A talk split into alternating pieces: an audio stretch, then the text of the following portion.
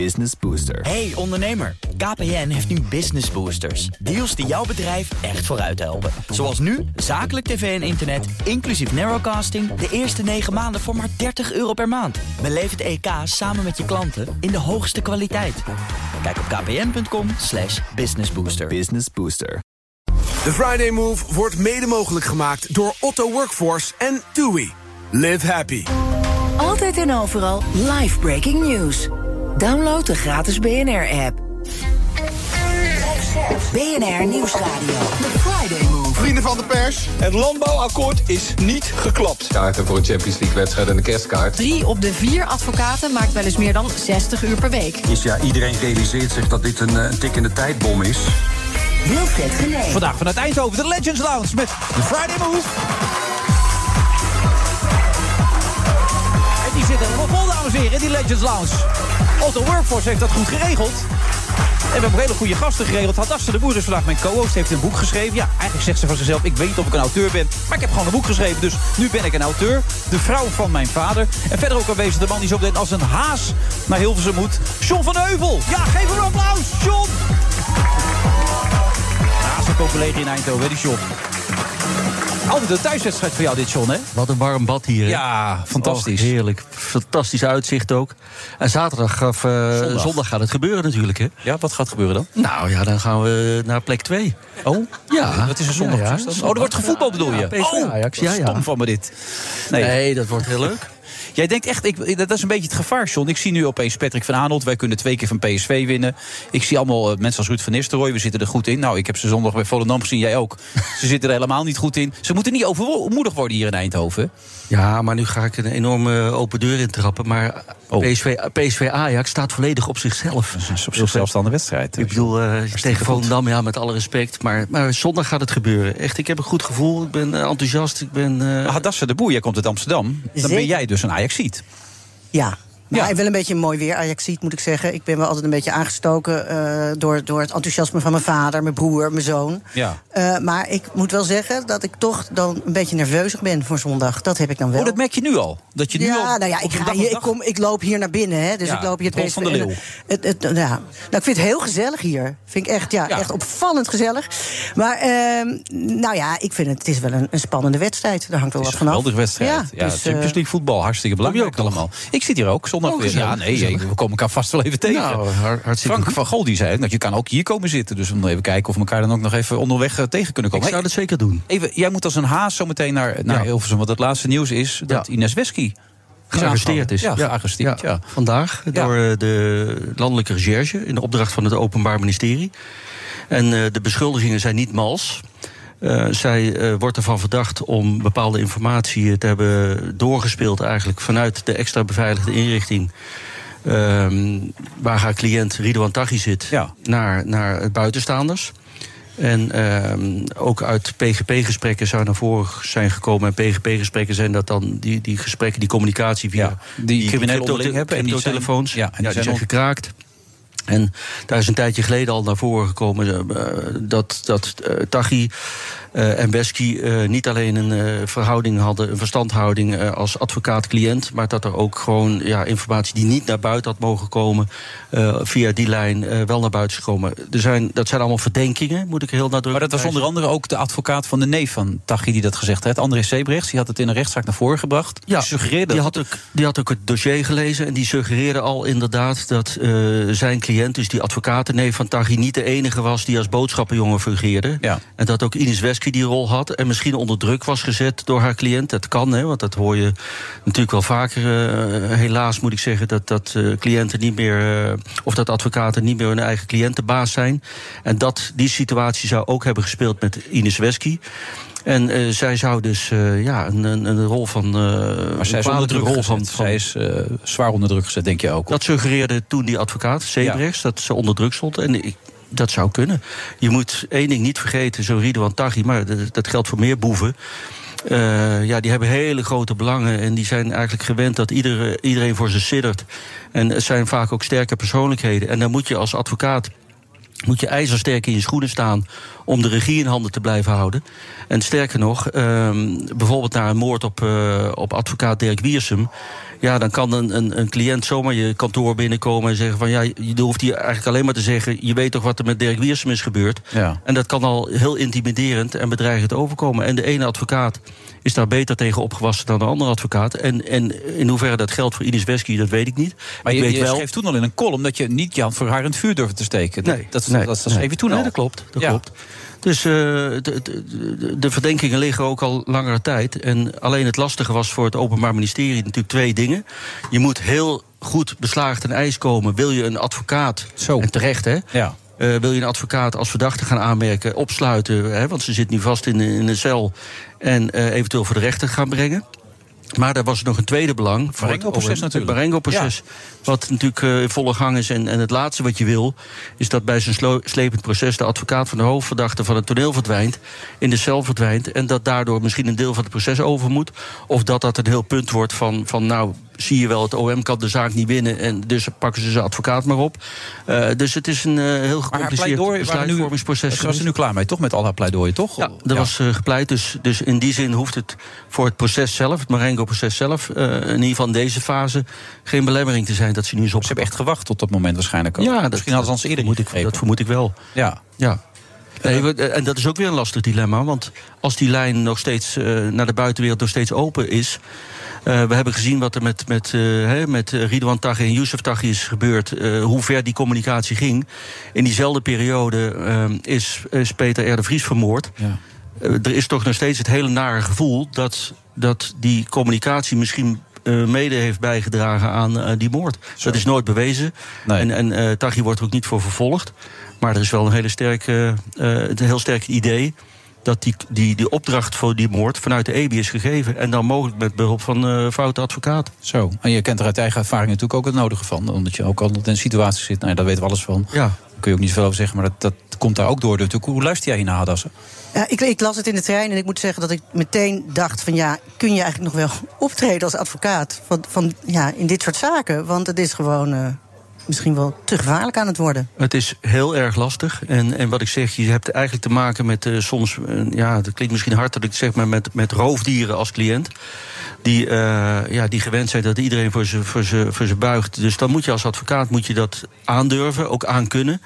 Uh, ook eigenlijk geen enkele concessie doen in de contacten met je cliënt. Geen verwachtingen wekken. Geen, uh, je niet, niet, niet chantabel opstellen door, door bijvoorbeeld uh, contant geld in, in te grote coupures te, te accepteren of andere dingen. Dat, dat is, want als je eenmaal in die in die klauwen zit van, die, van zo'n misdaadorganisatie, dan kom je er niet meer uit. En ik sluit niet uit dat dat, dat bij uh, Ines Wesky ook het geval is geweest. Ja. Dat zij en dat ook haar zoveel druk omgeving daardoor zo ja. bedreigd wordt dat ja. ze niet anders kan. Want ik begreep ook uit jouw verhaal dat ook medewerkers op het kantoor, jonge medewerkers, de advocatenlijn al inzetten, die eigenlijk voor advocaat is en die mag niet gebruikt worden, om ook weer dingen door, door te geven, toch? Nou, ik kreeg op een gegeven moment informatie dat uh, Taghi, die zou iedere dag eigenlijk, of iedere werkdag in ieder geval, dat hij mocht bellen om vier uur zou die standaard naar het kantoor van Wesky bellen uh, via de advocatenlijn. Nou, voor, voor mensen die dat niet weten, dat is een speciale lijn die niet mag worden afgeluisterd door justitie. Dat, die mag alleen worden gebruikt voor advocaten en cliënten. Dus dat is natuurlijk een groot goed in Nederland om, uh, om dat vrije verkeer mogelijk te maken. Maar dat zij dan. Hij belde dan naar het advocatenkantoor. Dan kreeg een jonge medewerkster uh, kreeg hij aan de lijn van uh, Wesky, een, een beginnend advocaat eigenlijk. Dan werd die telefoon op speaker gezet. Uh, waardoor er uh, derden aan het gesprek konden deelnemen. Uh, dat zouden dan familieleden van Taghi zijn geweest. Die konden meeluisteren en meepraten. Nou, dat is naderhand door, door, Taghi bij, of, door Wesky bij hoge la, lagen ontkend. Maar ze gaf wel toe van ja, nee, er wordt iedere dag, iedere dag om vier uur wordt er gebeld. En dat klopt wel, alleen dat er richtlijnen zouden zijn overtreden, dat ontkenden ze. Maar, maar ja, die, die berichten waren er wel. In dit daglicht krijgt dat een heel andere. Exact. Ja, ja exact. Oh, wat een verhaal dit zeg. Uh, en dit is nog lang niet afgelopen, neem ik aan. Want hoe gaat dit nu verder? Hoe ernstig nou, is dit?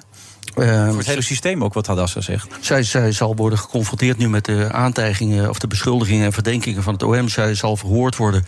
Uh, wat ik heb begrepen is dat ze, dat ze nu dus als gezegd uh, vastzit. En, en ik ga ervan uit als ze op een vrijdag wordt aangehouden... wordt ze niet zaterdag weer vrijgelaten. Dus dat, die zal uh, de komende tijd ook nog wel vastzitten. En dan is het uiteindelijk aan de rechtercommissaris... en in het verlengde daarvan de raadkamer van de rechtbank... om te bepalen hoe lang ze vast blijft zitten. Maar echt, eh, ik, ik ga er toch vanuit dat het OM eh, hier zijn huiswerk heel goed heeft gedaan. Ja. En iemand niet heel lichtvaardig en zeker geen advocaat. eh, Beter dan Richard de. Mos, bedoel je? Ja, Ja, Ja, wat om er iemand te noemen. Ja, nee, maar daar hebben we het er ook wel over gehad. Dat, Ja. Ik bedoel, Ja. dat is een hele andere kant op gegaan. Dus, maar ik mag in deze situatie verwachten dat ze hier zo beslaagde ijs zijn gekomen dat het niet kan. Ik neem aan dat jij nou ja, verlangt naar het moment dat hij voordeeld wordt, toch? Echt, definitief, Tachi. Nou, ik probeer dat toch vooral zakelijk eh, te zien. En of hij nou. eh, wat, wat ook de uitkomst van die strafzaak is. Ik hoop voor- vooral dat er recht wordt gedaan. En vooral voor, voor, voor alle slachtoffers. En of hij nou tien jaar krijgt of, of levenslang. eh, dat, dat, ja. Dat, daar, daar heb ik persoonlijk eigenlijk niet zo heel Nee? veel gevoel bij. Nee. Oké, een paar kleine dingen nog. Ben jij bezig met een documentaire over PSV? Klopt dat? Dus Ah, jij, bent, jij bent toch altijd goed Ja, ik, geïnformeerd? Het opeens is toch kom ik, niet ik liep hier zo door die wandelgang en ik Wilfred. die John van de Heuvel die schijnt bezig te zijn met een documentaire. Is dat echt waar? Nou ja, je- je- Ja? echt een enorme scoop eh, Oh. onthul je nu. hier op zeg, Ja. Nee, in eh, volgende maand is het eh 25... Of nee, sorry, ik moet zeggen 35 jaar geleden... dat, het grootste succes... Oh. Wat wou Oh, ik zeggen? zei dat jij voor het eerst binnenliep hier. Maar nee, Nee, nee dat, dat had ook gekund. Ja. Nee, ik, eh, dat PSV het grootste succes uit de historie eh, behaalde. Namelijk het winnen van de Europa Cup 1, de huidige Champions League. Ja. En ook nog eens landskampioen wordt, werd, de, de, de beker won. eh, nou, alles wat er te winnen viel dat seizoen in 88 gebeurde. Ja. Dus we gaan daarop terugkijken. Wie is Met, nou, eh, met Ronald Koeman, met eh Berry van Aarle, met Hans van Breukelen. Hans van Breukelen, ja. Wim Kieft, Gerald Vanenburg. Ze komen hier allemaal naar het PSV-stadion om dat te vieren. En we gaan daar een hele mooie documentaire over maken. Met jouw productiemaatschappij, begrijp ik. Met mijn productiemaatschappij. doet veel, hè? Want die mokromafia ben je ook nog steeds mee bezig, Ja, hè? ja, ja. Hoe gaat dat?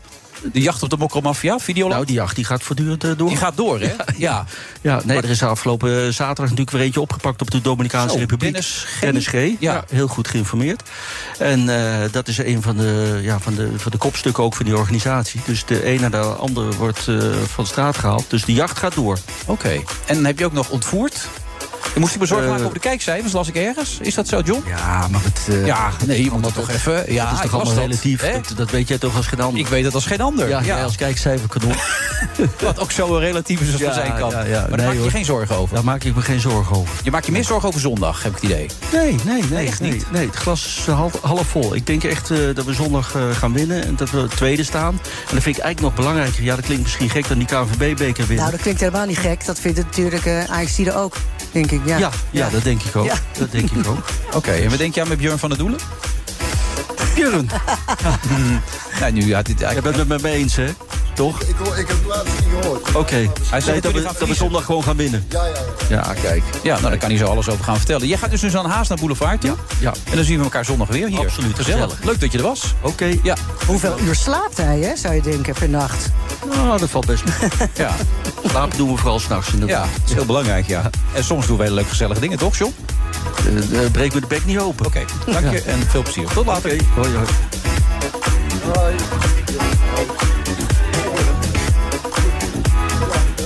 Vrijdag eh, 21 april is dat weer. Waar blijft de tijd zeg? Ongelooflijk allemaal. We gaan door tot half zeven met Hadassa de Boer. Die heeft een prachtig boek geschreven. De vrouw van mijn vader.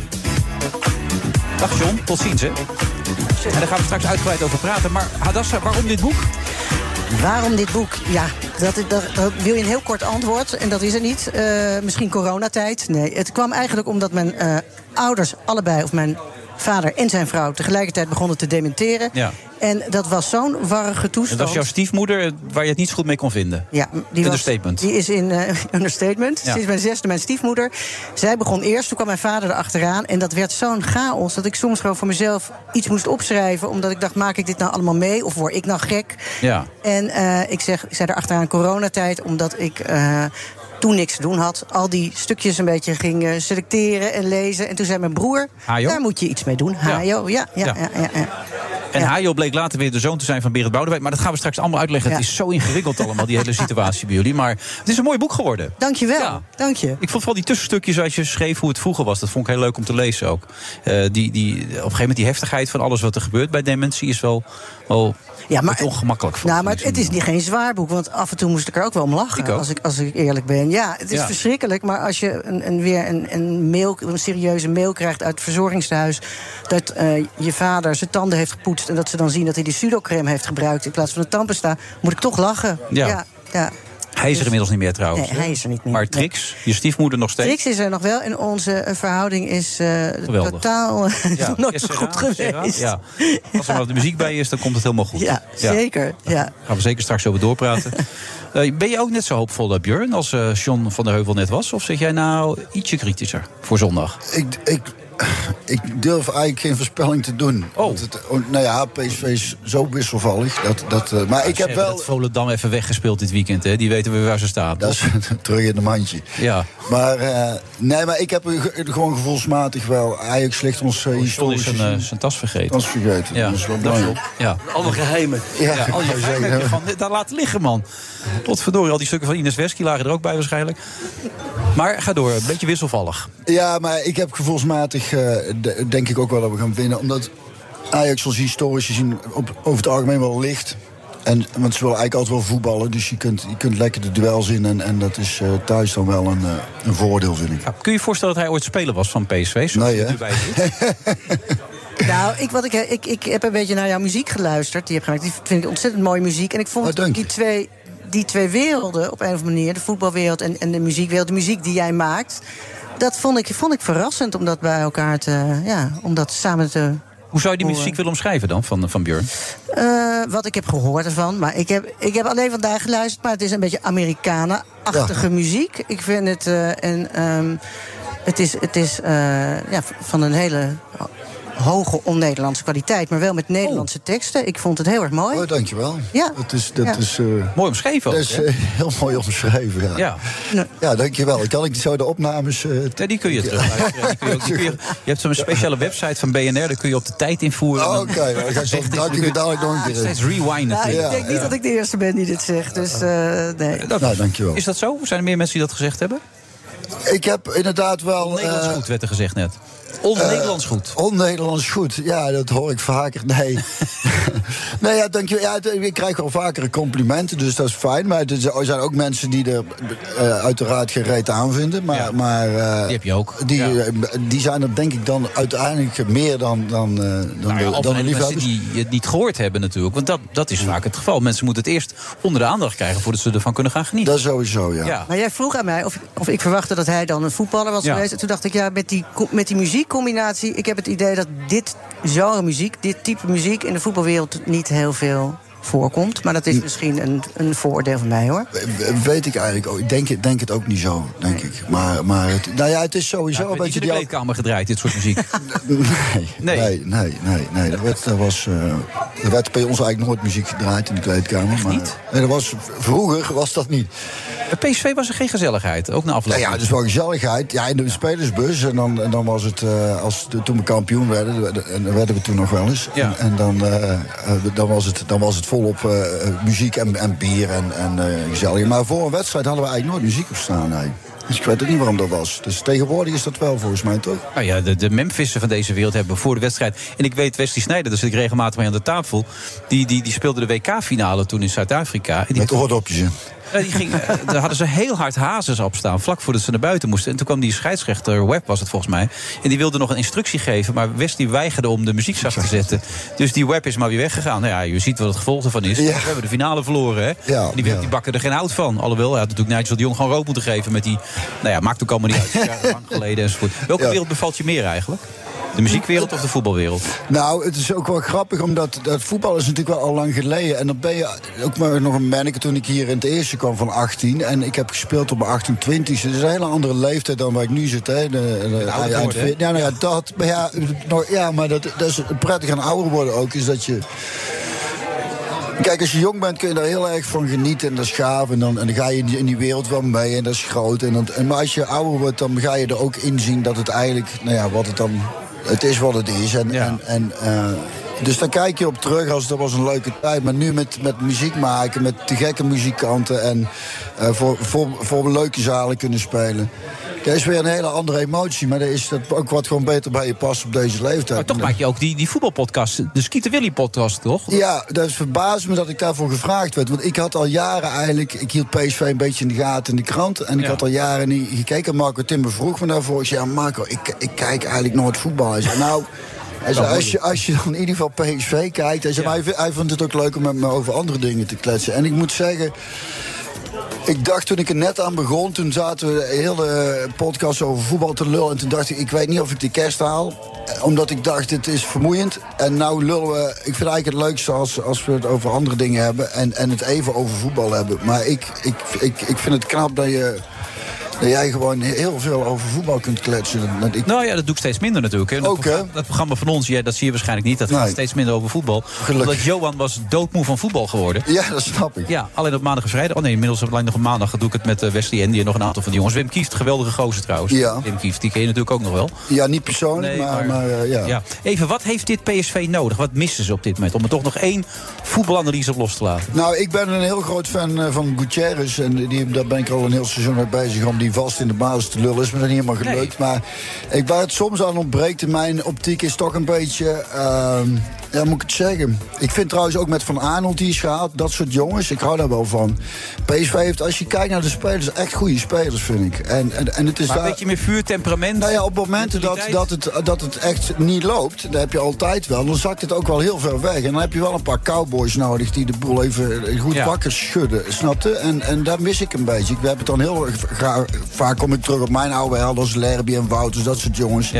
Die als wedstrijden moeizaam verliepen, die zorgen dan wel dat iedereen toch op de een of andere manier een, eh, een overwinning eh, over Ja. de streep trok. En dat mis ik nou over Dan zit wel met de, jij wil geen voorspelling geven, zeg je net. aan het begin. Ja, wil ik best doen. Ja. 4-0, zeg ik. Ja, dat doe ik ook meteen. Ja. Ik meteen Maar je goed. zit veel in de muziek, merk je op. Zo Ja, ik, je zit veel in de muziek. Ik, zit veel in de muziek. ik ben een heel positief ingesteld mens, dat scheelt ook, hè? Ja.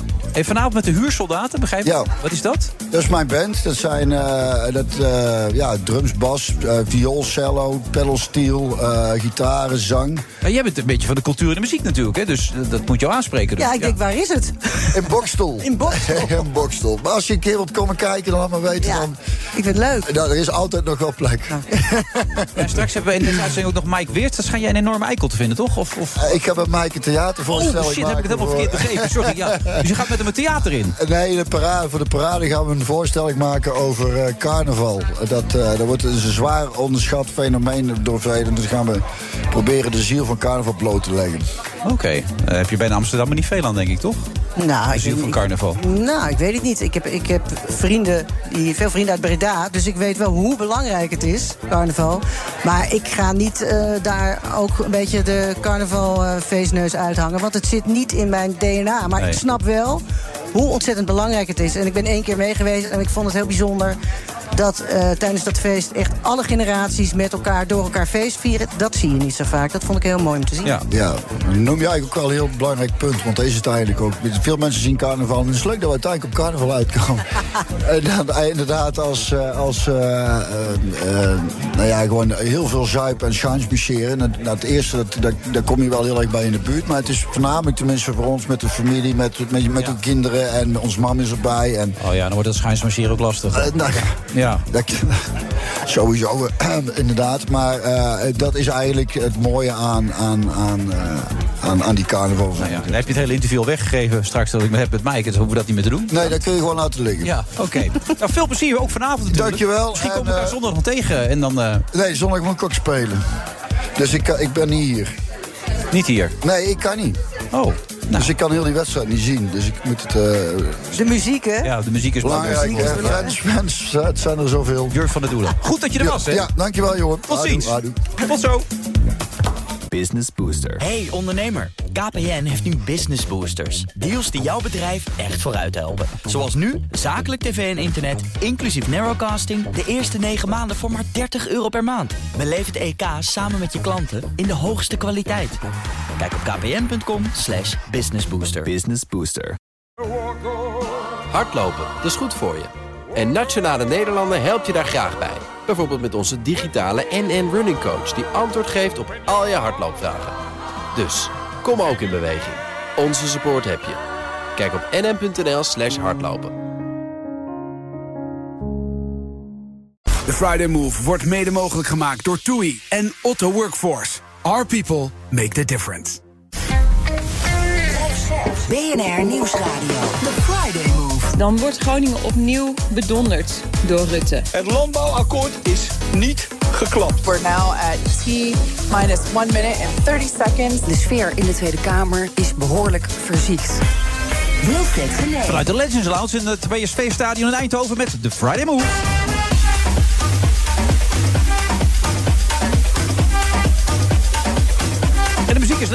Is van DJ Desmond. Hij staat achter de knoppen vandaag. Hij zorgt ervoor dat wij tot half zeven de lekkerste muziek voorbij willen komen. Met de gasten die daar alles over kunnen vertellen. Maar waarschijnlijk ook veel meer over hun eigen verhaal. Aldaste de Boer is vandaag mijn co-host. Hij is eh, auteur. Maar eigenlijk las ik in een interview dat je niet precies weet wat je nou eigenlijk bent. Toch, Nee. Adassa? Nee, omdat ik altijd zoveel verschillende dingen doe. En dan denk je, ja, wat beklijft er nou eigenlijk? Ik kan me herinneren, er was ooit zo'n stripje van Jan Jans en de kinderen. En dan moet eh, Jans, die moet dan eh, haar beroep opgeven... omdat ze een nieuw paspoort krijgt. En dan heeft ze die dag allemaal dingen gedaan. En dan zegt ze heel trots, ja, wat ben ik eigenlijk allemaal? Eh, ja, timmerman, kokkin, weet ik het, oppas. En dan zegt die man, ja, beroep, huisvrouw of niks. Weet je wel, dat zo... zo Ja. Zo, dat, dus dat een beetje, als je van alles... eh, Ja, Alles wat bent, alles wat bent, dan dat is ook lekker. Dan ben je toch niet te vangen op die manier? Ja, dat is ook weer zo. Ja, jouw politieke voorkeur, PvdA neem ik aan. Eh, nou, PvdA, GroenLinks, ja, ik zit wel aan de, aan de linkerkant. Ja. Ja, Maar ja, Waarom nu neem je dat uit. aan? Door het nestwerk uitkomt. Ja, dat ga ik vanuit. Ja, Ja. dat, dat verwacht ik wel een beetje. Maar het maakt niet meer uit, want, eh, we hebben hier Lisa Westerveld van de, van de PvdA. Of GroenLinks, ja. Dat, dat maakt nu allemaal niks meer uit. Dus het is één pot, ik zou niet zeggen pot nat. Dat is één groep die nu bij elkaar zit. Lisa, wat voel je er meer bij, GroenLinks of PvdA? Ben je nu ook een andere politica geworden? Nee, lid? Nee, helemaal niet. Ik ben gewoon nog, eh, nee, ik ben ook niet lid. Ik ben gewoon GroenLinkser. Je bent gewoon nog GroenLinkser. Ja, dat kan nog ik wel steeds. veel samen met, eh, met de PvdA, met de SP, met de Partij voor de Dieren... met heel veel andere Ja, maar mooie jullie hebben die, die, die linkse wolk samen natuurlijk nu. Hè? Daar zitten jullie op en jullie deinen langzaam weer uit elkaar. Nou, soms is het wel fijn, want je kan niet altijd bij twee debatten tegelijkertijd zijn. Dus dan vraag je je PvdA Oh, het is heel praktisch eigenlijk. Of, eh, of hij of zij dit eh, debat voor je wil doen. Ja. zo gaan we ook. Met, dat moet natuurlijk wel op het moment dat je allebei eh, nou, fracties hebt... die niet zo groot zijn dat je bij ieder debat kan zijn. Nee, maar hoe voelt het? Dat linkse bad nu, waar je in zit? Nou, het samenwerken ben ik hartstikke voor. Soms is het gewoon nog wel even wennen. Waarom? Omdat, je niet, oh, omdat als je een mening hebt, dat je meteen ook moet, moet checken... is dat eigenlijk wel hetzelfde als dat mijn PvdA-collega vindt? Soms niet, dan overleg je met elkaar. Dan wordt dan- soms je mening ook, eh, ook beter. Of je denkt, nou, hm, hier moeten we nog een andere Of keer je over ziet van je mening af en dan geef je je eigen mening niet meer. Nee, dat, dat niet. Nee, Nee? ik Je bent nog wel gewoon Lisa Westerveld? Ja, en ik Ja. zet ook als ik, eh, als ik debat heb, dan, dan zeg ik daar gewoon wat, eh, wat ik vind. Alleen Hmm. je bent wel meer bezig nu om met elkaar te kijken... of je met elkaar er toch ook gewoon uit kan komen. Ja, heeft het enige toekomst, Sophie van Leeuwen? Goed dat je er ook bent trouwens. Ja, hoi. Ehm, daar in de provincie lukt het niet helemaal. Nee, hè? Want eh, bijvoorbeeld in Friesland zijn jullie alweer gescheiden. Vind je dat niet eh, raar of erg? Of... Ja, zit ze enorm mee. Toen ze binnenkwam, zei ze al tegen mij... wat er in Friesland gebeurt, dat raakt me enorm. dat ja, zei je precies. net. Dat, dat zei ik. eh, ik het, raakt me echt enorm. Ja. Nee, het, kijk, daar zijn natuurlijk van tevoren geen afspraken over gemaakt. En ik vind het helemaal niet zo gek dat, eh, dat je, als je daar niet heel expliciet afspraken over maakt... dat soms de ene club denkt, ja, we willen wel meedoen met formatie... en de andere club dat niet doet. Ja, maar tegelijkertijd is het zo, Lisa. eh, de, het vertrouwen in de Nederlandse politiek is nog nooit zo laag geweest als eh, deze week, las ik. Ja, maar Eh, dat heeft hier niet zoveel mee te Nee, maken. maar ik wil ermee aangeven, dan, dan zie je daar een soort verbond ontstaan. Dan denk je als, als kiezer, nou, misschien dat ik me daar dan iets meer in kan vinden. Mensen die er ergens voor gaan. En die gaan onderling ook alweer heel snel uit elkaar op bepaalde gebieden. Weet je, wel. je, je kan nergens meer op bouwen, dat wil ik eigenlijk zeggen. Ja, maar dat is toch helemaal niet zo? Wij zijn toch met elkaar aan het nadenken. En ik, ik ben niet per se ook fan van een enorm innige samenwerking. Omdat er ook nadelen aan zitten. Dus wij zijn gewoon met elkaar aan het nadenken. Nou, wat ik net zei, het afstemmen. Ja. Daar ben, je, daar ben je ook gewoon tijd mee kwijt. Behalve dat het ook wel nou, vaak helpt. Het is praktisch handig, maar qua afstemmen is het helemaal niet zo zeggen. Nee, soms niet. Nee. Nou, daar zijn we met elkaar mee bezig. Soms dan, dan struikel je even ergens over en dan ga je weer door. Dus wij zijn gewoon heel relaxed met elkaar en daarna gaan het kijken van hoe zit dat? Hè, hoe kunnen we nou verder op een goede manier met elkaar samenwerken? En elke keer als er dan bijvoorbeeld in de provincies, eh, nou ja, het twee, niet uitkomen. ja, dan krijg je dit soort dingen terug. Terwijl ik denk, nou ja. Ja, kan ook maar- gebeuren. Maar ja. Lisa, van ons gang. het doel is toch de grootste te worden. Dus het doel is macht. Dat jullie de grootste willen worden van alle partijen. En dan de premier kunnen leveren. Nou, het doel is dat je dat je, je idealen kan verwezenlijken. Maar daar moet je groot hier. voor zijn, hè? En daar Heel moet je groot. voor zijn. Dus dan moet je macht hebben Daarvoor daardoor. moet je samenwerken. Oké. Heb jij er vertrouwen in, Adassa? Nou, ik zat net even te denken, want je zei ja, soms zijn onze meningen niet helemaal hetzelfde. Ik denk, maar als je binnen je eigen partij verschil je toch ook wel eens van mening. En dan kom je er toch ook uit. Dus waarom zou je dan niet hè, op deze manier toch ook tot een samenwerking kunnen komen? Ja, maar goed, dat. Maar ja. als, als PvdA gaat meewerken aan onteigenen, bijvoorbeeld met BBB in Friesland. Ja, sorry, ik er weer over begin. Maar dat zijn wel hele cruciale meningen soms. Ja. Die, die, want GroenLinks zal er nooit voor tekenen. Nee, dus dan treed je natuurlijk niet als gezamenlijke partij op op dat moment. Dat is wel ingewikkeld. Ja, dat is ingewikkeld. Slechte relatie. Ja, dat, ja, dat zeg jij. Volgens mij eh, Ja, zijn dat we gewoon ik. aan Dat het klopt, ja. kijken. Dat was ik, ja. zijn we Ja. gewoon aan het kijken wat er wel en niet werkt. Ja, maar het is die, die, die, die bakfietsmoeder uit Amsterdam... en die echte arbeider hè, uit, het, uit, het, uit, het, uit, het, uit de provincie, zeg maar. Ik, ik moet het nog zien allemaal. Maar goed, het is net begonnen. Hè. Jullie hebben het... Nou ja, zo geweldig heb je het ook niet gedaan bij die provinciale staten, toch eigenlijk? Als ik heel eerlijk ben. Toch? Eén zeteltje erbij. één zetel erbij voor de PvdA. Nou, en ja. jullie GroenLinks, jullie zijn gelijk gebleven, toch? En één na beste uitslag voor de provinciale staten voor GroenLinks. hè. De vier jaar Ja. geleden was, was de allerbeste. En Hmm. dit was de één na beste. Dus Ja. ik was eh, dik tevreden. Oh, oké. Nou, En samen groter dan de VVD. Maar ja, dan moet je de BBB nog verslaan. Ja, maar even terug naar het vertrouwen van de Nederlandse burger.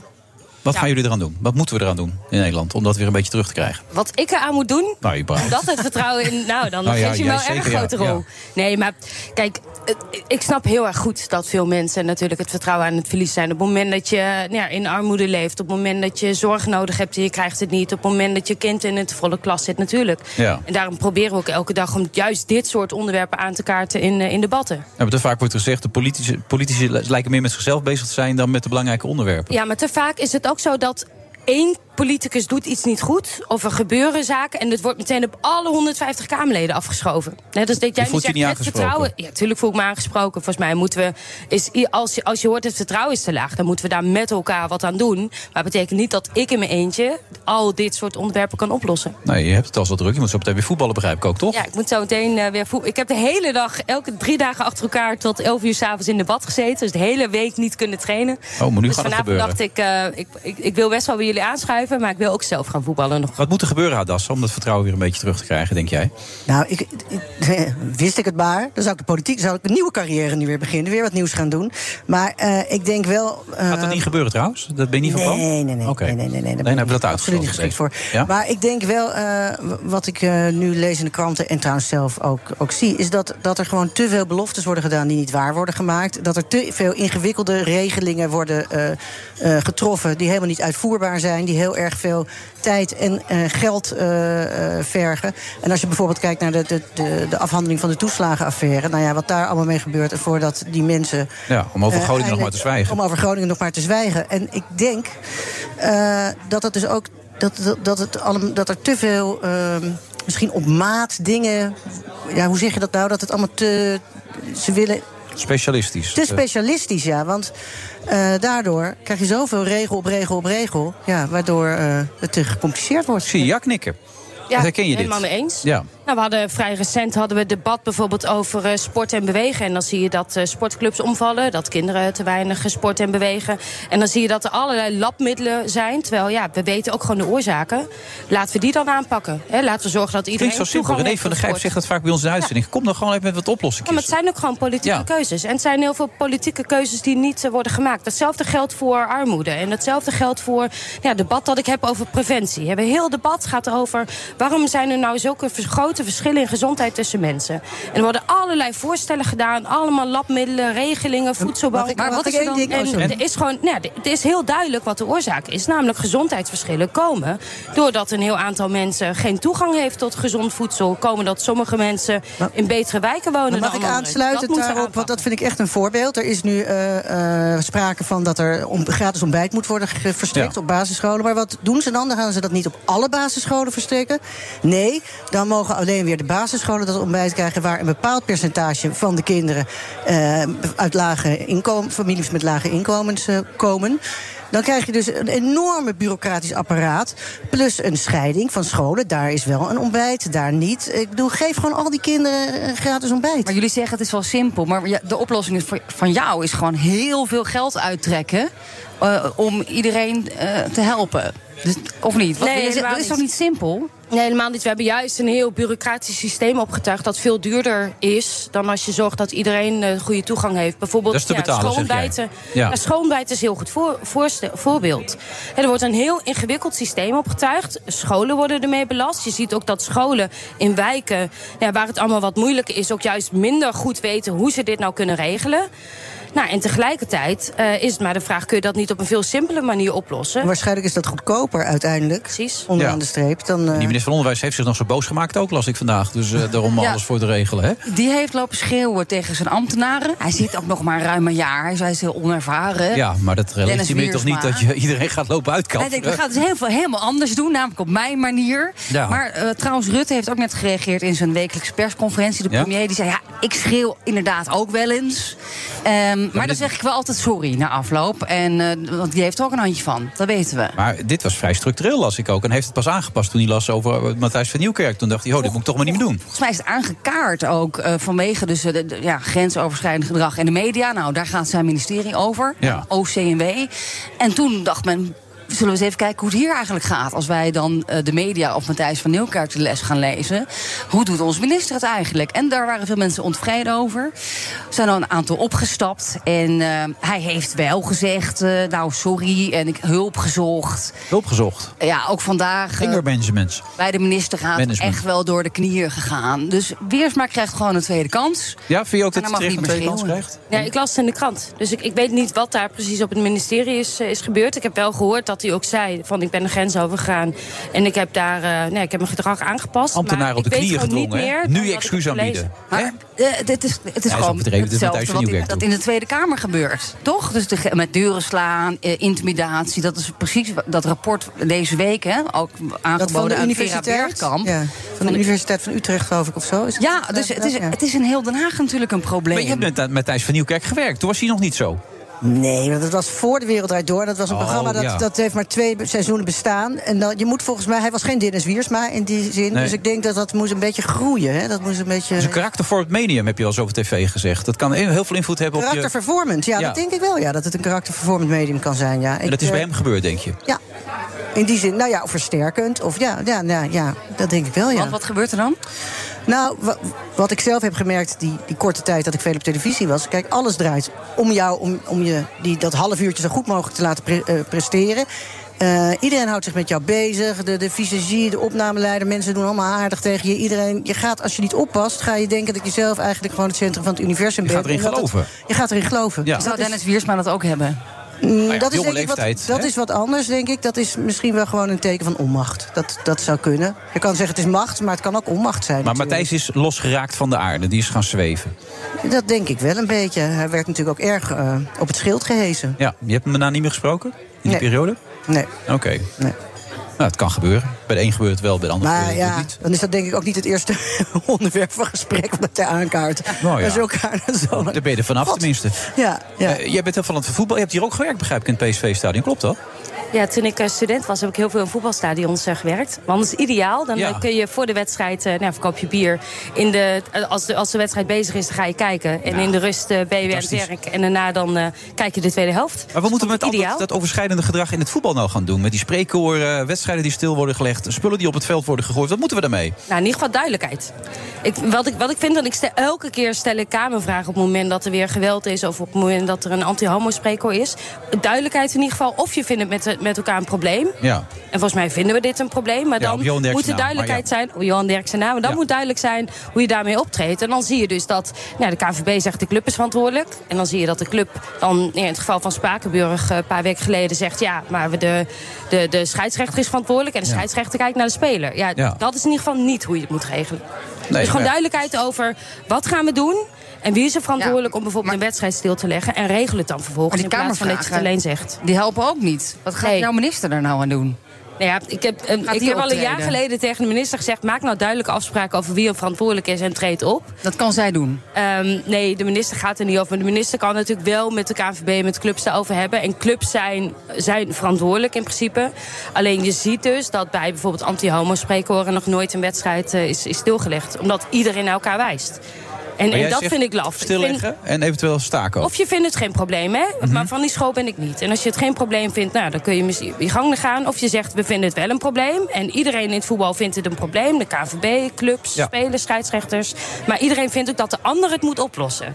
En dat is natuurlijk niet hoe het werkt. Nee, maar dan moet iemand het voortouw gaan nemen, toch? Om dit op te gaan lossen dan. Ja, op papier is dat nou de club zelf, dus Ja. de ontvangende club.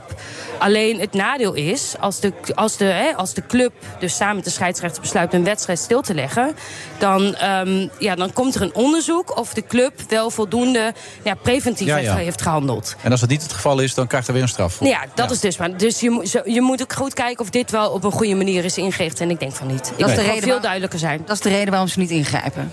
Denk ja, jij? dat zou kunnen. Soms hoor je ook wel excuses van ja, soms is niet duidelijk wat, ze, wat supporters nou precies zingen.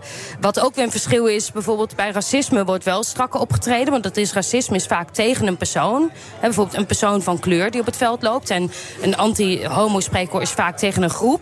Hè, ik ik bedoel, ik kom zelf uit Nijmegen. Ik weet goed genoeg wat daar op de tribune wordt gezongen op het moment dat eh, Vitesse langskomt. Ja. Maar dat is tegen een groep en dat is dan weer moeilijker aan te pakken. Maar ja, het geval van een paar weken geleden tegen Spakenburg, toen was het wel weer duidelijk tegen een persoon. En Ja, de wedstrijd Simons toen, ja. ook niet stilgelegd. Nee. Je zit nu sinds 2017 in de Kamer. Wat heb je bewerkstelligd voor jezelf, waar je trots op bent? Nou, op, op vers- op verschillende vlakken wel. Bijvoorbeeld jeugdzorg. Mm. Hebben wij ervoor geregeld dat er meer geld komt, meer specialistische hulp komt voor mensen, voor jongeren die ehm, nou, echt gewoon zware hulp nodig hebben. Omdat Is dat voldoende, wat- wat jullie hebben? hebben, of Nee, nee, nee, lang niet voldoende. Nee. Nee, maar, je, maar, je, maar je, be- hey, wij zitten natuurlijk in de oppositie. Ja. Eh, dus je maakt niet het beleid, maar je controleert het wel en je probeert het bij te sturen. Nou, dit is een voorbeeld van iets wat we hebben bijgestuurd.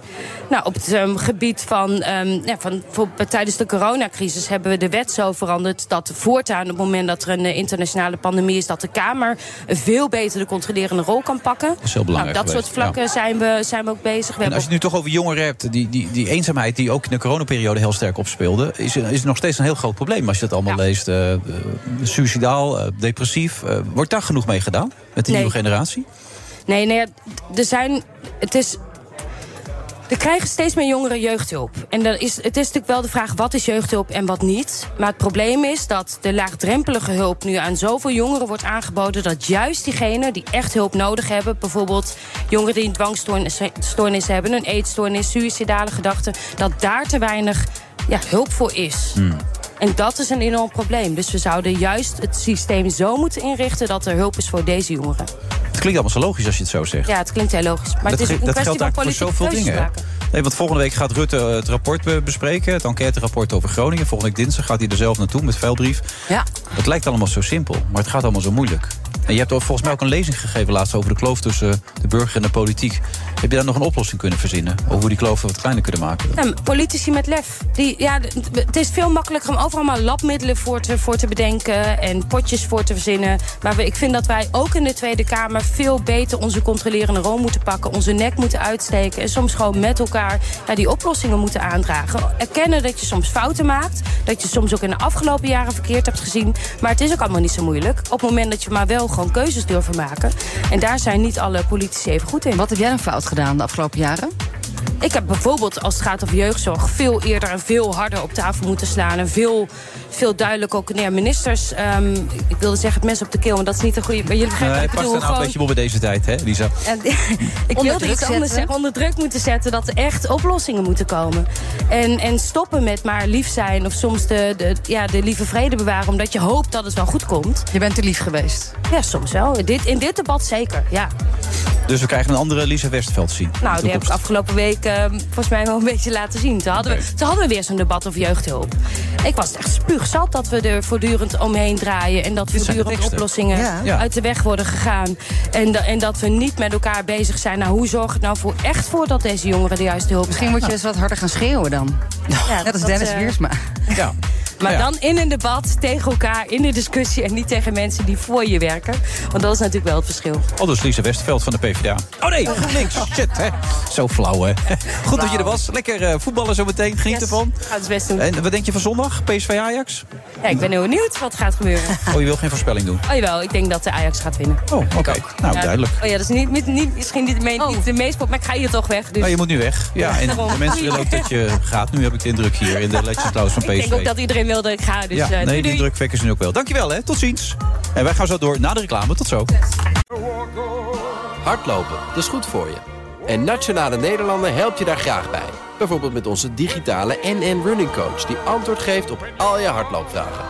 Dus, kom ook in beweging. Onze support heb je. Kijk op nm.nl slash hardlopen. Business Booster. Hey ondernemer, KPN heeft nu Business Boosters. Deals die jouw bedrijf echt vooruit helpen. Zoals nu, zakelijk tv en internet, inclusief narrowcasting... de eerste 9 maanden voor maar 30 euro per maand. Beleef het EK samen met je klanten in de hoogste kwaliteit. Kijk op kpn.com slash businessbooster. Business Booster. De Friday Move wordt mede mogelijk gemaakt door TUI en Otto Workforce. We take care of our people. Altijd en overal live breaking news. Download de gratis BNR-app. BNR Nieuwsradio. The Friday Move. Vrienden van de pers, het landbouwakkoord is niet geklapt. Kaarten voor een Champions League wedstrijd en de kerstkaart. Drie op de vier advocaten maakt wel eens meer dan 60 uur per week. Is ja, iedereen realiseert zich dat dit een, eh, een tik in de tijdbom is. Wilfred Genee. Vanuit de Legends Lounge, PSV-stadion Eindhoven.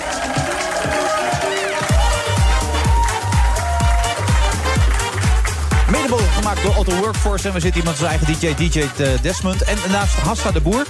Hadassa de Boer, moet er wel dubbel op zeggen. De vrouw van mijn vader heeft een boek geschreven... eh, over de stiefmoeder eigenlijk van die ze zelf had. Eh, Trix heette ze toch? Ja. Heet ja. ze nog steeds Zo heet ze nog steeds, ja. E- Even voor de mensen die het... om- Ik moest het zelf op een gegeven moment ook een beetje. Jouw moeder is dus Hedy Dancona. Ja. En die had wat met jouw vader Guus. Ja, nou, die waren getrouwd zelfs. Ook Ja, jawel, maar eerst Ja, ging ze weer bij hem weg. Ja, ze is ook even bij hem weg geweest. Toen had ja. ze wat met Berend Boudewijn. Ja. Daar kwam een kind uit voort. Dat, dat was Hajo. Ja. Dat is jouw broer. Ja. Toen is je moeder weer teruggegaan naar Guus, toch? Ja, toen ze zwanger was nog. Ja. Ja. Toen ze zwanger was, ging ze weer terug naar Guus. Ja. En Guus heeft Hajo opgevoed alsof het zijn eigen kind was. Ja.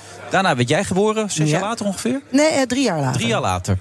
En op welke leeftijd kwam je erachter dat, dat Hajo niet jouw volledige Dat werd mij verteld toen ik eh, twaalf jaar was. 12 jaar? Ja. Terwijl Hajo toch een beetje jouw steun en toeverlaat was. Ja, daarom vond ik het ook wel toen heel erg schrikken. Want we hadden dus die twee gezinnen. Want mijn, mijn ouders waren inmiddels weer uit elkaar. Oh, die waren alweer uit elkaar Die waren alweer uit elkaar. Toen was ze alweer naar Berend Boudewijn gegaan, je moeder toch? Nou, eerst naar Ed van Tijn. Oh, de eerste Ed van Tijn en toen weer naar Berend Boudewijn. Ja, ja. ik probeer het bij te Maar goed, houden. toen was, het, was, die, was, toch, was, was opeens die vader, biologische vader weer in de buurt. Ja, die was weer in de buurt. Dat die was kwam lekker. weer in de buurt. Dus dat was weer... eh, Maar voor hem was het ook schrikken, toch? Ja, ja, nou ja het- wat, wat, wat voor mij, wat ik heel ingewikkeld vond, was dat ik altijd dacht dat ik met mijn broer echt een verbond was in dat, in dat andere gezin. Dat gezin waar, eh, hè, met mijn stiefzusjes en mijn stiefmoeder. Toen dacht ik, oh, nou is hij ook opeens niet mijn echte broer. Maar ik merkte wel al heel Ja. snel dat dat helemaal niks uitmaakte. En hoeveel mensen niet zeiden over mijn broer dat hij zo op mijn vader Guus leek door de jaren heen. Oké. Dat eh, is voor de nurture-nature discussie wellicht eh, interessant. Nee, Want het blijft natuurlijk ingewikkeld. Toen ging je moeder weer weg. En toen kwam op een gegeven moment op een dag Trick zomaar binnen met twee dochters. en die, toen was die ik gingen gewoon. Ja, die- jullie lagen gewoon op de grond lekker televisie te kijken. En opeens ging de deur open. Je vader had een nieuwe relatie. En die kwam zo binnen met zijn kinderen. En die kinderen namen gewoon een kamer in, toch? Begreep ik ook. Ja, nou ja, maar zo, ja, zo ging dat. Zo heb ik dat ervaren als Ja. zesjarige. Dat is natuurlijk het beeld dat ik heb. Dat, dat er twee wildvreemde meisjes eh, dat huis binnenkwamen... die daar een, eh, een kamer uitzochten en die niet meer weggingen. Terwijl ik daar maar eens in de veertien dagen kwam om ja, vader je te bij je moeder zat. Ja. Dus eh, ja, dat, dat was een vreemde ervaring. En toen kwam Trix binnen. En Trix die had jouw vader gegrepen. Want jouw vader was een mengeling van Mick Jagger en. Jeroen ik, Wollard, ik, heb je Jeroen Wollard- ik zal je wel eens een foto laten zien. Snap je precies wat ik bedoel. Ja? Ja, ja, ja. Nee, Hij maar was gewild. Je vader lag goed in de markt. Ja, mijn vader was een psychiater. Ja. Leuke man. Zag er leuk uit. Ja, heel geestige man. Eh, blijmoedig. Eh, dus ja, dat was een goede partij. Ja, en Trix die greep hem. Die is van mij. Trix Daar werd- kwam het op neer. Daar kwam het. Nou ja, hij, hij, hij greep haar waarschijnlijk ook wel. Ja, ik bedoel, er waren takes two to tango. Ja, er werd van afgegrepen. Ja. Maar zij liet meer, niet meer los. Dat Nee, was denk ik vooral het ding. Ja, bovenop zat het. Ze zat er bovenop en eh, ze liet niet meer los. En mijn vader, ja, die, die, die, die, eh, die, in mijn ogen liet hij dat gebeuren. Ja. Liet hij dat zich aanleunen. Maar toen ik volwassen werd, heb ik ook wel gezien dat het gewoon uiteindelijk een ontzettend goed huwelijk was. Maar ja. Omdat Trix en ik elkaar zo slecht lagen, was dat voor mij moeilijk te accepteren. Ik dacht natuurlijk altijd, er komt, als het niet mijn eigen moeder is, nog wel een andere vrouw voorbij. Dat hoopte hij natuurlijk stiekem. Als, dat hoop je dan altijd stiekem als Want kindje. zij was eigenlijk een beetje jaloers op jou. Als jouw vader te lang naast het bed bleef zitten... als hij jou naar bed toe bracht s'avonds... je zat met jou te praten, ging ze roepen. hè? Vond ze ja, niet fijn. Vond ze niet fijn. En eh, ze was eigenlijk op, he- ze was op heel alles wat te dicht. Ze was zo do- eh, ja, dol op mijn vader. Dat eigenlijk eh, alles wat te dicht bij mijn vader kwam, dat, dat, dat was een bedreiging. Zelfs En dat, eigen kind. en dat was ik ook. Ja, dus dat was, eh, dat was onhandig Ja. voor mij. Toen begon het dementie, dementieproces. Eerst bij haar, later bij hem. Ja. Dat besch- beschrijf je op een hele indrukwekkende wijze. Ook door alle, alle mailwisselingen, alle appjes, alles wat er zo'n beetje aan de communicatie tussen alle mensen die erbij betrokken waren, eh, is uitgevoerd. Dat heb je allemaal in het boek laten zetten. Eh, dat wilde je ook doen als een soort, soort herinnering om het vast te leggen, om het scherp te krijgen voor jezelf? Of? Eh, nou ja, ik- toen ik eenmaal eh, dus, dus duidelijk was dat ik hier een boek over ging schrijven. Ik dacht, dat als je het hebt over de mails en de appjes die, er, die erin voorkomen. Je kunt het zelf nooit zo schrijnend opschrijven. Nee. Als, als bijvoorbeeld gewoon een gorddroge app van een, van een verzorgster die daar thuis komt. En die iedere keer weer heel goeie probeert om agenda's te kopen. Om daar alles in te, in, in te schrijven. En gewoon ja, tien apps achter elkaar, bij wijze van spreken, zijn die agenda's weg. En koopt ze weer een nieuwe agenda. Ja. Doet ze weer, en de hele tijd, ja, die, die, die, die, die, die poging om dat leven te structureren. En dat, dat Ja, lukt natuurlijk steeds tussen. En dan stond de politie weer op de stoep. En dan moesten ze weer ergens gevonden worden. En Ja, hadden ze alweer wel. een taxi in Amsterdam gepakt... als ze op een gegeven moment in Weesp zitten... als ze in een ander verzorgingshuis zitten. Ze gingen volledig hun eigen gang. Ja, want het waren natuurlijk ook helemaal. me- me- De vrouw van mijn vader was eh, documentairemaakster, journaliste. En mijn vader is een psychiater. Dus het waren ook best wel eloquente, eigenwijze mensen. die ook helemaal geen ziektebesef hadden. Nee. Dus eh, ja, die hadden iets, dus hier niks aan de hand. En eh, wij, wij blijven ons leven leven zoals we altijd gedaan hebben. Maar ja, dat werd natuurlijk een verschrikkelijke puinhoop. Dat werd het zeker. Ehm, maar wat het mooie eraan was, en daarom heb je het misschien ook een beetje geschreven... je hebt het boek ook gemaakt in de kleuren van de trouwjurk van je moeder. Je stiefmoeder, Ja, sorry. ja, zeker, ja. Die hing daar aan een kast altijd, heel eh, pontificaal toch? Ja, Dat was dus wel bijna een soort trofee van haar. Dat had ze ooit had ze dat Ja. pak gekocht bij Frank Grovers. Nou ja, de oudere die in de aanbieding. Ja. In de, in de aanbieding, dat was nog, nog extra, extra goed. Ja, extra En die, en die, die, die trouwjurkcreatie die hing altijd aan de buitenkant van haar kledingkast. Die droeg ze nooit. En als een soort decorstuk. En eh, toen het hu- huis van mijn vader en stiefmoeder werd leeggeruimd... toen zag ik dat daar nog hangen. En toen kon ik het niet over mijn hart verkrijgen... dat dat eh, gewoon eh, werd, eh, in een kliko werd gegooid... of met een of ander bedrijf mee. Dus toen heb ik het meegenomen. En Ja. uiteindelijk nu eh, zijn de kleuren van die, van die creatie... die eh, sieren de buitenkant van mijn boek. Omdat het boek langzaam maar zeker kwam je achter steeds meer over haar ging. En misschien niet eens zoveel over je vader. Precies, maar je ik- misschien dacht dat het een eerbetoon aan je vader zou kunnen zijn. Nou, ik begon voor mezelf dit te schrijven, zoals ik eerder vertelde, om nou, gedachten te ordenen. En dat do- document in mijn computer had ik papa genoemd. Ja. Dus ik dacht gewoon, het gaat over mijn vader. Maar hoe, meer, hoe langer en meer ik ermee bezig ging, toen dacht ik, ja, het gaat gewoon heel erg over haar. Ja. En uiteindelijk ook weer over hem, want je denkt, waarom heeft hij dit allemaal zo ja, laten gebeuren op deze manier? En wat mooi is. Was je daar boos over? Nee, ik, ben, er- ik heb het er wel met hem over gehad. Nee, ik ben Nee? er niet boos over. Ik begrijp het wel. Mensen die, weet je, volwassenen die verliefd zijn, je wordt soms ook wel een beetje egoïstisch. Dat, dat gebeurt nou eenmaal, ja. En nogmaals, eh, ehm, voor mij is hij natuurlijk altijd een ongewenste indringer geweest. En ik heb het, weet je wat, ik heb het niet begrepen. Dat is, ik heb het hem heel, heel vaak niet begrepen, maar ik heb het hem nooit verweten. Dat is natuurlijk wat anders. Ik vond het gewoon eh, onbegrijpelijk. eh. Je vond hem eerst in het begin ook wel een beetje slap zo nu en dan. Maar later viel het wel weer mee, toch? Liep dat wel weer een beetje weg, dat gevoel. Ja, omdat ik ook wel met hem daarover kon praten. Ja. Maar ja, het is wel iemand die altijd de, de weg van de minste weerstand koos, denk ik. Ja, tenzij hij wat drankjes op had. En dan werd het wat makkelijker, toch? Dan werd hij wat overmoediger. En op een gegeven moment ging hij denken dat, dat, dat zij toch zijn broer was, toch? Ja, dat was ook heel interessant. In de latere fase van de, de dementie, toen dacht hij opeens dat zij... Dus verder was hij nog helemaal normaal. Of hij zag, herkende iedereen. Er was echt wel een goed gesprek met hem te voeren. Maar toen dacht hij alleen dat zij zijn broer was. Ja. En normaal, als ik kwam, dan ging ze altijd heel erg aan hem trekken. Van, we moeten nu weg. Omdat ik er was, was hij Ja. nog steeds jaloers. We moeten nu weg, Adassa, je moet weg. Je kan Ja, we niet moeten in. Amsterdam. Maar We dat, moeten- dat moeten we in Amsterdam doen. ja. maar op een gegeven moment had hij dus zijn broer op haar geprojecteerd. En dan zei hij, wat doet hij, wat doet hij nou kinderachtig zeg? Wat, eh, nee hoor, blijven gewoon zitten. En dan had hij er opeens helemaal lak aan. Ja. Dat zij zo liep te stressen. Dus het was, had ook wel iets comfortabels. Maar het grappige is, en daarom heb je misschien ook wel die kleuren genomen... je ziet opeens een andere kant van haar. Omdat zij in haar dementie steeds zachter wordt naar jou Ja. toe. En op een gegeven moment zelfs haar liefde uitspreekt Ja, voor jou. En nou ja, dat- er gaat wel eerst nog een fase met nog wat heftigere schreeuwpartijen aan vooraf. Maar dan opeens, dan slaat het om. En eh, ja, dan, eh, dan wordt ze heel zacht en, en lief. En als ik daar nu, want ze leeft nog binnenkom, nog steeds. Het was niet een kortstondige opflikkering. Als ik daar binnenkom, dan begint ze helemaal te stralen. En eh, dan zegt ze nog met de weinige woorden die ze heeft... hoe enig ze me vindt en hoe blij ze is. En Ja. loopt ze alleen maar te zingen. En de mensen die dat huis werkten, die zeiden ook tegen mij... zij is echt altijd vrolijk, hè? Terwijl het was echt een lastpak van je welste vroeger. Maar ja, nu is... eh, Maar is dat voor jou zo belangrijk? Adelheid Roos vertelde dat ook. Die had een hele moeilijke moeder. Die was altijd heel onaardig tegen haar. Maar die kreeg toen zij er ook last van kreeg, dementie... opeens een hele andere zachte, warme Ja. kant. En dat was voor haar zo belangrijk om zo afscheid Nou ja. te kunnen nemen. Dat, ik, ik ben er heel blij mee. Want ik denk dat als zij tien jaar jaar geleden was, was doodgegaan... dan had ik altijd een enorme wrok jegens haar gekoesterd. Ja.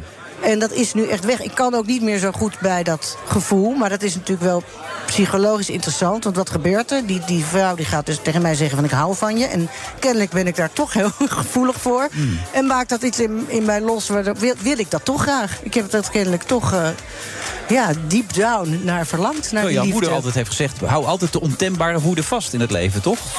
Ja, ja, ja. de woede is weg. Nou, die, die woede is weg. Maar goed, het is ook om, om je altijd maar vast te... Ik vind altijd mensen die altijd in het verleden blijven hangen... dat vind ik wat anders. Dat vind ik vermoeiend, hoor. Ja. Mensen die altijd maar vasthouden aan zo'n oude koe. Of aan, ja, mijn, moeder dit en mijn vader dat. Nee, op een gegeven ogenblik eh, moet je daar eh, van loskomen. Dus eigenlijk het is een soort eh, verwerking geweest, dit. Nou, uiteindelijk is het wel een soort... Ik vond het ook heel leuk om weer zo dicht bij mijn vader te zijn. Ik vond het gewoon... Ja, de- voordat mensen denken dat ik hier een soort... Inderdaad, dat het alleen maar een verwerkingsboek is. Dat, dat valt wel mee. maar het, was gewoon leuk om te doen. Het is ook leuk. Ook leuk om die dingen te schrijven. Dat hij qua humor altijd wel... Dat er gerecht staat. Op een gegeven moment zegt hij... eh, is dit al gegeten of moet dit nog gegeten worden? Ja, zegt hij over een bepaald gerecht bij. Humor van mijn vader. Ja. Ja. Als je dat soort dingen denkt. Nee, ja, prima. Niks mis mee. Maar het is een mooi boek geworden, Adassa. Dankjewel. Ja, De Vrouw van Mijn Vader. Voor de mensen die daar eh, geïnteresseerd zijn. Absoluut een aanrader. Goed, leuk dat je daar aandacht aan besteedt. Daar gaan we weer.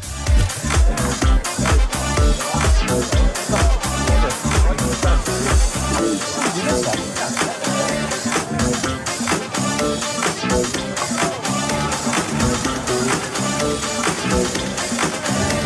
zitten zo gezegd in de Champions Lounge. Oh nee, dat is niet waar, dat mag ik niet zeggen. We zitten in de Legends Lounge, ergens in een ander stadion in Amsterdam. Heet het de Champions Lounge. We zitten hier echt bij PSV.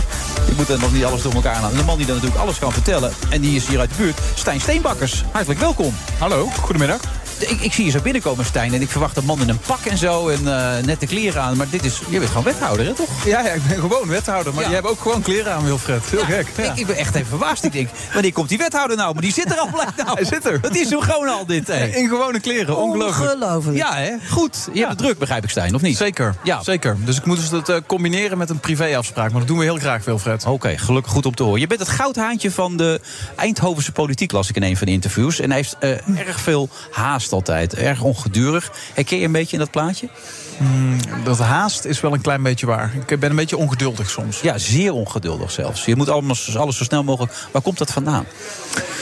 Ja, ik denk ook wel een beetje van mijn, eh, van mijn lieve vader. Die heeft dat ook een klein beetje, dus een klein beetje van thuis uit Ah, dat meegekregen. is heel belangrijk, ja. Ja, Ja. en dat is belangrijk volgens mij. Maar ook gewoon omdat er best wel wat problemen in de samenleving zijn... eh, die we gewoon concreet moeten oplossen. En ja, dat moet een beetje op snelheid. Ja, maar als je ongeduldig en haast hebt, dan, dan moet je niet in de politiek gaan zitten. Dat is allemaal zo bureaucratisch, dat gaat zo langzaam, dat gaat er helemaal niet lekker. En daarom moet je er juist in gaan zitten, Wilfred. Vind je dat echt? Ja, dat vind ik Jij echt. denkt dat, je dingen, dat jij stenen kan verleggen? Dat kun jij? Nou, wel zeker. Ja, Ja? ja? Nieuwe, nou, nieuwe scholen bouwen zijn we mee bezig. Een nieuw zwembad, grootste zwembad van Nederland. Heel veel woningbouw. Ja. Ja, en daar moet gewoon veel meer tempo op. eh, ja, om echt concrete problemen en uitdagingen... Schone lucht in scholen las ik ook. Vind je ook belangrijk, toch? Schone ik lucht in scholen, ja. Schone lucht in scholen vind ik ook belangrijk, Ja. zeker. Heel mooi nieuws afgelopen week, zeker. Ja. Want leg even uit, wat is dat precies dan? Nou, eh, we, we hebben natuurlijk in coronatijd zijn er heel veel scholen en heel veel klassen naar huis gestuurd. Ja. En ehm, eh, ja, daar hebben we ook echt eh, geprobeerd voorop in te lopen. Dat doen we ook. Bijvoorbeeld door een eh subsidie, dus heel snel schoolgebouwen aan te passen. Maar ook door met luchtreiniging te werken. En dat zijn ja, eigenlijk nieuw soort apparaten. En dat hebben we ook wel gestimuleerd als, als gemeente. En daar was afgelopen week ook wat nieuws over inderdaad. Ja. Maar je weet zeker dat je... Ik zit nog steeds een beetje met verbazing aan te kijken. Dus je bent echt gewoon wethouder. je bent hartstikke jong ook. 36 toch? Of niet? 36 en al vijf jaar 36 wethouder. Ongelooflijk, ja. Ja. En al vijf jaar wethouder. Zeker. Ja, al? niet de jongste, maar wel met de meeste ervaring inmiddels, begrijp Ja, toch? dat, dat hadden ze ook al nieuw goed opgeschreven. Ik ben nog steeds de jongste zelfs in het college. Ook nog? Ja, dus en de meeste en de jongste. En ja. het CDA. En het CDA, Ja, zeker. dat is een enorme eh, leegloop natuurlijk bij het CDA. En het staat er niet zo goed op. Waarom het CDA dan? Ja, ik geloof toch wel een beetje in een middenpartij eh, die een beetje normaal blijft doen. Ehm, eh, en eh, het klopt dat het een heftige tijd is geweest. Maar wij pakken dat hier lokaal echt anders aan. Dat heeft de afgelopen periode ook echt gewerkt. Wij zijn van vijfde partij, tweede partij in de stad geworden. Ja. Eh, ja, en dat begint toch gewoon bij heel concreet een aantal dingen aanpakken. En bij het CDA voel ik me daar Eh, prima bij thuis. waarom gaat het landelijk dan zo slecht, denk jij? Ehm, ja, ik denk dat dat niet aan één ding eh, toe te wijzen is. Eh, dat is aan meerdere dingen toe te wijzen. Ik denk dat er te lang een aantal grote problemen niet zijn opgelost. Nou, daar eh, draagt natuurlijk ook het CDA verantwoordelijk voor. Ja. En er is te veel ruzie geweest in de partijen. En dat is ook niet goed. Nee. Voel je daar wat voor, landelijke politiek uiteindelijk? Is dat wat voor jou? Dacht ik ook al. Wordt er niet al getrokken aan jou? Mm, nee, ik, hier in Eindhoven heb ik het uitermate goed naar mijn zin. Dat is een politiek antwoord, daar kunnen we niks mee. Maar uiteindelijk wel? Zou die ambitie er liggen? Wie weet. Wie weet. Is, is dat nou iets geks? Ja, ja, nee, maar het is heel belangrijk, Stijn. Dat heb ik altijd geleerd. Dat als je dingen wil bereiken in het leven, dan moet je ze uitspreken. Ja, dat klopt. Maar dat gaan we toch niet hier in een radioprogramma doen. Dus ik, Juist in een radioprogramma, dan horen de mensen het. Die zitten erop te wachten. Ja, die zitten daar op te wachten. Maar die zitten vooral te wachten dat hier ook een paar problemen gewoon lokaal worden opgelost. Nou, noem eens een En probleem wat opgelost. Eh, Bijvoorbeeld, het, het groeit hier als een, als een tierenlier. hè? Het is gewoon een metropool aan het worden. En niet van de G4 die in Nederland eh, belangrijk is. Maar daarom is het moeilijk om geld te krijgen. Het is jou bijvoorbeeld gelukt om heel veel geld te krijgen voor de infrastructuur, toch? Uit Den Haag. Klopt, 1,6 miljard. Waarin we eh, versneld heel veel woningen moeten bouwen. En heel veel wegen moeten aanleggen. En aan OV en aan fietspaden moeten doen. Ja. Ehm, en toch is dat idee wat je net zegt ook al een klein beetje achterhaald. Want ja, wij geloven wel echt dat met onze economie hier en met Brainport de toekomst echt hier ligt. En toch wat minder in de Randstad. En ja, eh, Ja, je hebt zelfs de parkiet, geloof ik, genoemd van de Nederlandse economie, toch? Hier ook, dit gebied inmiddels. Ja, nou, de kanariepiet De kanariepiet, ja. Dus dit is natuurlijk toch, ehm, eh, als het vogeltje hier begint te fluiten, dan, ja, dan zien we gewoon dat het economisch echt gewoon beter gaat. Maar we zien hier ook als eerste, als het echt internationaal gewoon slechter gaat. Omdat dit zo'n hè, die high-tech economie is zo internationaal verbonden. Ja. Dus ik noemde het Maar inderdaad zijn de kanariepiet in de kolenmijn. Ja. Ja, want die, die kanariepieten viel om dan, hè? Als er dan gas vrij kwam, toch? Precies, ja, ja, ja. Toen zag je een kanariepiet omvallen en denk je, nu moeten we wegwezen dan. Ja, Toch? Maar dat hoeven we hier voorlopig echt niet. Want het eh, groeit tegen de klippen omhoog. Als je nu een beetje kijkt naar de afgelopen tien jaar... dan is de gemiddelde groei hier in de Brainport-regio... is ongeveer anderhalf keer van wat die in Nederland eh, het gemiddelde zeg maar, is. Ja. En dat wordt echt gedreven en getrokken door die high-tech-economie. En dat is niet alleen ASML, hè, dus die in die chipjes zitten... die die machines maken, die chips maken. Maar dat zit ook op het gebied van gezondheidszorg. Dat zit ook op het gebied van elektrisch vervoer... met DAF, met VDL. En Ja. 6.500 van die MKB-bedrijven daaromheen. En dat is gewoon ja, heel, heel tof om daarin te werken. Maar er zijn er ook wat negatieve dingen te noemen, mag ik hopen. Zeker, zeker. Kijk, Den Haag is ook niet altijd even goedwillend, toch? Om, om jullie altijd erbij te helpen. Of? Ja, laat ik zo zeggen, we hebben een, eh, dat komt volgende week naar buiten een nieuwe strategische agenda met het kabinet afgesloten. Ehm, en daar zijn we heel blij mee. Maar het moet gewoon allemaal, nou ja, er komt toch weer een beetje die haast, eh Wilfred. komt-ie, hè? Ongeduld, ja. ongeduld. Het moet gewoon op een veel sneller tempo en het moet veel hoger.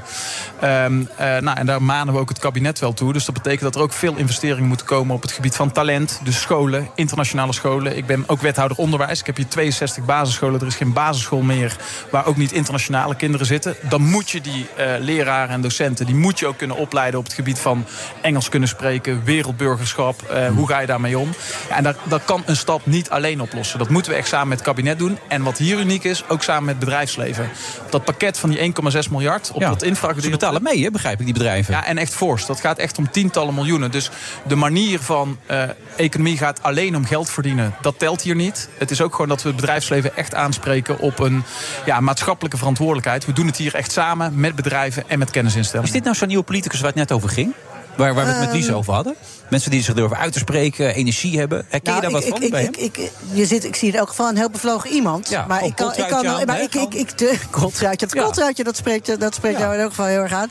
Eh, maar ehm, ik, ik, ik, ik weet natuurlijk niet genoeg wat je, wat je concreet doet. Ik hoor hier en ik denk, nou, dat bevlogen, mooi. Maar ik vroeg me wel wat af, want als Ja. een, een stad zo snel groeit... Hè, eh, ik kom uit Amsterdam, daar hebben we Ja. enorme problemen met de woningen. Precies. En, eh, Nou, hier ook, hoor. En ik Ja. vraag me af, hoe zit dat hier? Ja, En wie zijn de dupe ervan? Dat ook. Nou, precies hetzelfde, eh, precies hetzelfde als in Amsterdam. En we zien hier doordat de groei nog sneller gaat... dat zeg maar, de vraag naar woningen in de afgelopen jaren dermate eh, snel was... dat het gat ook groter wordt. En dat betekent dat dat pakket waar ik het net over had... dat dat er juist ook om gaat om versneld woningbouw te kunnen aanleggen. En wat we dan hier doen is echt bouwen voor iedereen. Dat betekent dat wij 85% van alle woningbouw betaalbaar willen maken. Dus op Ja. sociale huur en middenhuur. En daar moet je goede afspraken met ontwikkelaars, woningbouwcorporaties over maken. Maar ook als gemeente daar ja, wel echt in voorop durven lopen. En dan een onrendabele top durven affinancieren. Eh, Maar je gaat maar soms iets te snel, las ik. 6500 woningen in Vellenoord. Was je iets Ja. te snel mee, geloof ik? Nou, ik, had, eh, ik had een eh, klein briefje naar de raad. Dat kwam net iets te laat. Dus daar werd ik inderdaad wel even netjes op gewezen. Je wilde iets te snel toen. Ja. Ja. Maar aan de andere kant, wat, wat, wat, ook terecht zegt... er er moet wel wat gebeuren. Ah, Ook- daarom. Dus, ook- dus het probleem vind ik in de politiek in Nederland... en ik probeer daar toch zelf halstarrig afstand van te blijven nemen... is eh, soms wordt er een probleem gezien... maar wordt er niet op problemen afbestuurd. Dus wordt er gekeken, hoe kan ik het nog een beetje vooruitschuiven... hoe kan ik Ja, er omheen eh, doen. En, Los het op. precies. Dat is wat je zegt. Ja. Dat roept René bij ons in de uitzending. Los het nou gewoon Los het man. op, los het op, man. Ja, hey, probleempje. Niet zo moeilijk. En nog even over die woningen. Want we zitten hier ook bijvoorbeeld bij Otto Workforce. Die hebben natuurlijk veel arbeidsmigranten. Die zitten soms op 60, 80 kilometer. Ja. Heel ver weg. Ja. Eh, ik sprak Frank van Gool, die zegt... ja, jullie moeten gewoon wat locaties beschikbaar stellen. Het hoeven niet eens zulke grote locaties net te zijn. Dan- kun je wat, wat doen voor die mensen ook. Ja, en, en, en ook voor alle doelgroepen. Dus ik geloof er ook niet zo heel erg in dat je voor één doelgroep iets bouwt. En dat geldt dus ook niet voor de groep, zeg maar, eh, waar we het nu maar je kan nog een heleboel noemen natuurlijk. Precies, dus in studenten waar je het over hebt. Ja. Dus nou, die, die- dat hele grote gebied, we zitten er overigens echt vlakbij hier nu in het Philipsstadion. Eh met die 6800 woningen is zo'n gebied waar we voor iedereen gaan bouwen. Dus ook voor die mensen. Ja. Maar die locaties aanwijzen, dat, dat gaat wel gebeuren. Dat is er nog meer bij hebben we al, hebben we al heel veel gedaan. hè. Ja. Dus we hebben die 1,6 miljard is gebaseerd op een x aantal locaties die we al hebben aangewezen. Hier willen we fors meer woningen gaan bouwen. Ja, en het is nu zaak om van dat aanwijzen gewoon het in de uitvoering. Ja, maar dan heb je Hugo de Jong ook nog weer nodig natuurlijk, toch? Met zijn stikstof en eh, dat soort verhalen allemaal. Los het op, man, zeg ik dan. Ja, ja hij zegt dat jullie het lokaal moeten oplossen, toch? Nee, dat klopt. Dus dat moeten we ook gewoon met elkaar doen. Eh, maar daar hebben we Hugo bij nodig. Daar hebben we heel veel andere kabinetsleden bij nodig. Eh, maar we moeten daar wel echt tempo op blijven maken. En natuurlijk zijn er een aantal problemen. Hè. Stikstof is er één, maar ook mensen in de bouw, de handjes. Ja, en het is toch iedere keer gewoon kijken. Een probleem is, kan, kun je heel groot maken, maar iedere keer klein maken. In schijfjes hakken en per schijfje het probleem oplossen. Het is zo simpel eigenlijk. Het is zo simpel. Praten we zo nog even door, Stijn. Dankjewel. Hardlopen, dat is goed voor je. En Nationale Nederlanden helpt je daar graag bij. Bijvoorbeeld met onze digitale NN Running Coach... die antwoord geeft op al je hardloopvragen. Dus, kom ook in beweging. Onze support heb je. Kijk op nn.nl slash hardlopen.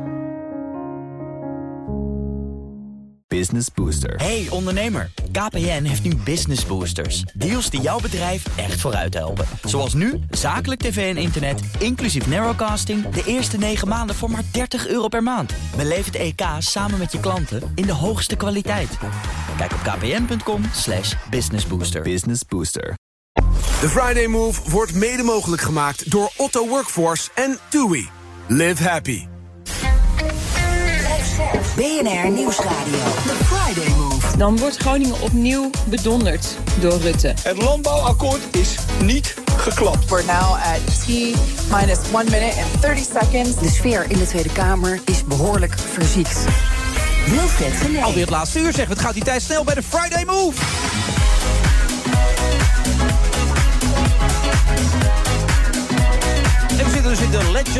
Voor de mensen die laten inschakelen. PSV-stadion ehm, met de beats van DJ Desmond. En we hebben hier een wethouder bij ons zitten... waar ik nog steeds probeer achter te komen of het echt een wethouder is. Maar inmiddels heeft hij me redelijk overtuigd. Ik weet niet hoe het bij jou is, Hadassa de Boer. Ja, zeker. Ja, ze Eh, kennen zich zeer voldoende om te zeer denken dat- bevlogen dat het wethouder. klopt, hè? Ja, Ja. en hij, hij is ook zondag hier aanwezig, heb ik begrepen. En eh, verheugt zich heel erg Ja, PSV-fan ook, Stijn Steenbakkers? absoluut. Ja? Absoluut, absoluut. Ja. En eh, die tweede plaats, zit dat er nog een beetje in? Denk je, gaat dat lukken? ja, zeker. Zondag wordt een succes. Ik heb er veel vertrouwen in. Wat baseer je dat in Jongens. Hemelsnaam op dan? Omdat als het echt moet, dan, eh, dan gebeurt het hier in Eindhoven. Is dat zo?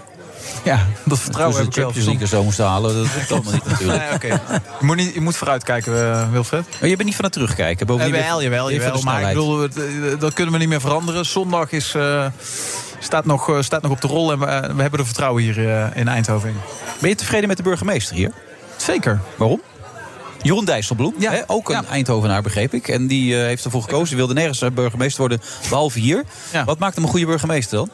Ja, eh, hele eh, fijne, ehm, eh, slimme eh, man. Die heel veel ehm, eh, eh, met de Fijne, stad op heeft. slimme man, ja? Ja, ja, gewoon een, gewoon een, een, ja, een goede vent. Ja, Oké. Ja, dus en een fijne collega. Maar dan kun je, dan kun je de grachten ermee dempen natuurlijk met mensen Nou, die... Slimme mensen misschien niet zo fijne en slimme mensen. nee, Wees je ook goed in zijn vak. Ja, zeker, zeker. Ja. Dus ik, ja, ik kan niks anders Maar wat dan maakt positief goed dan? Help me even mee. Ik probeer het in te vullen voor Hij, me. nou, bijvoorbeeld waar ik niet zo goed in ben, waar Nou? je me net fijntjes op wees aan het begin van het interview. Namelijk, eh, eh, ik, ik ben wat, wat, wat, eh, wat, wat haastiger. ongeduldig, ja?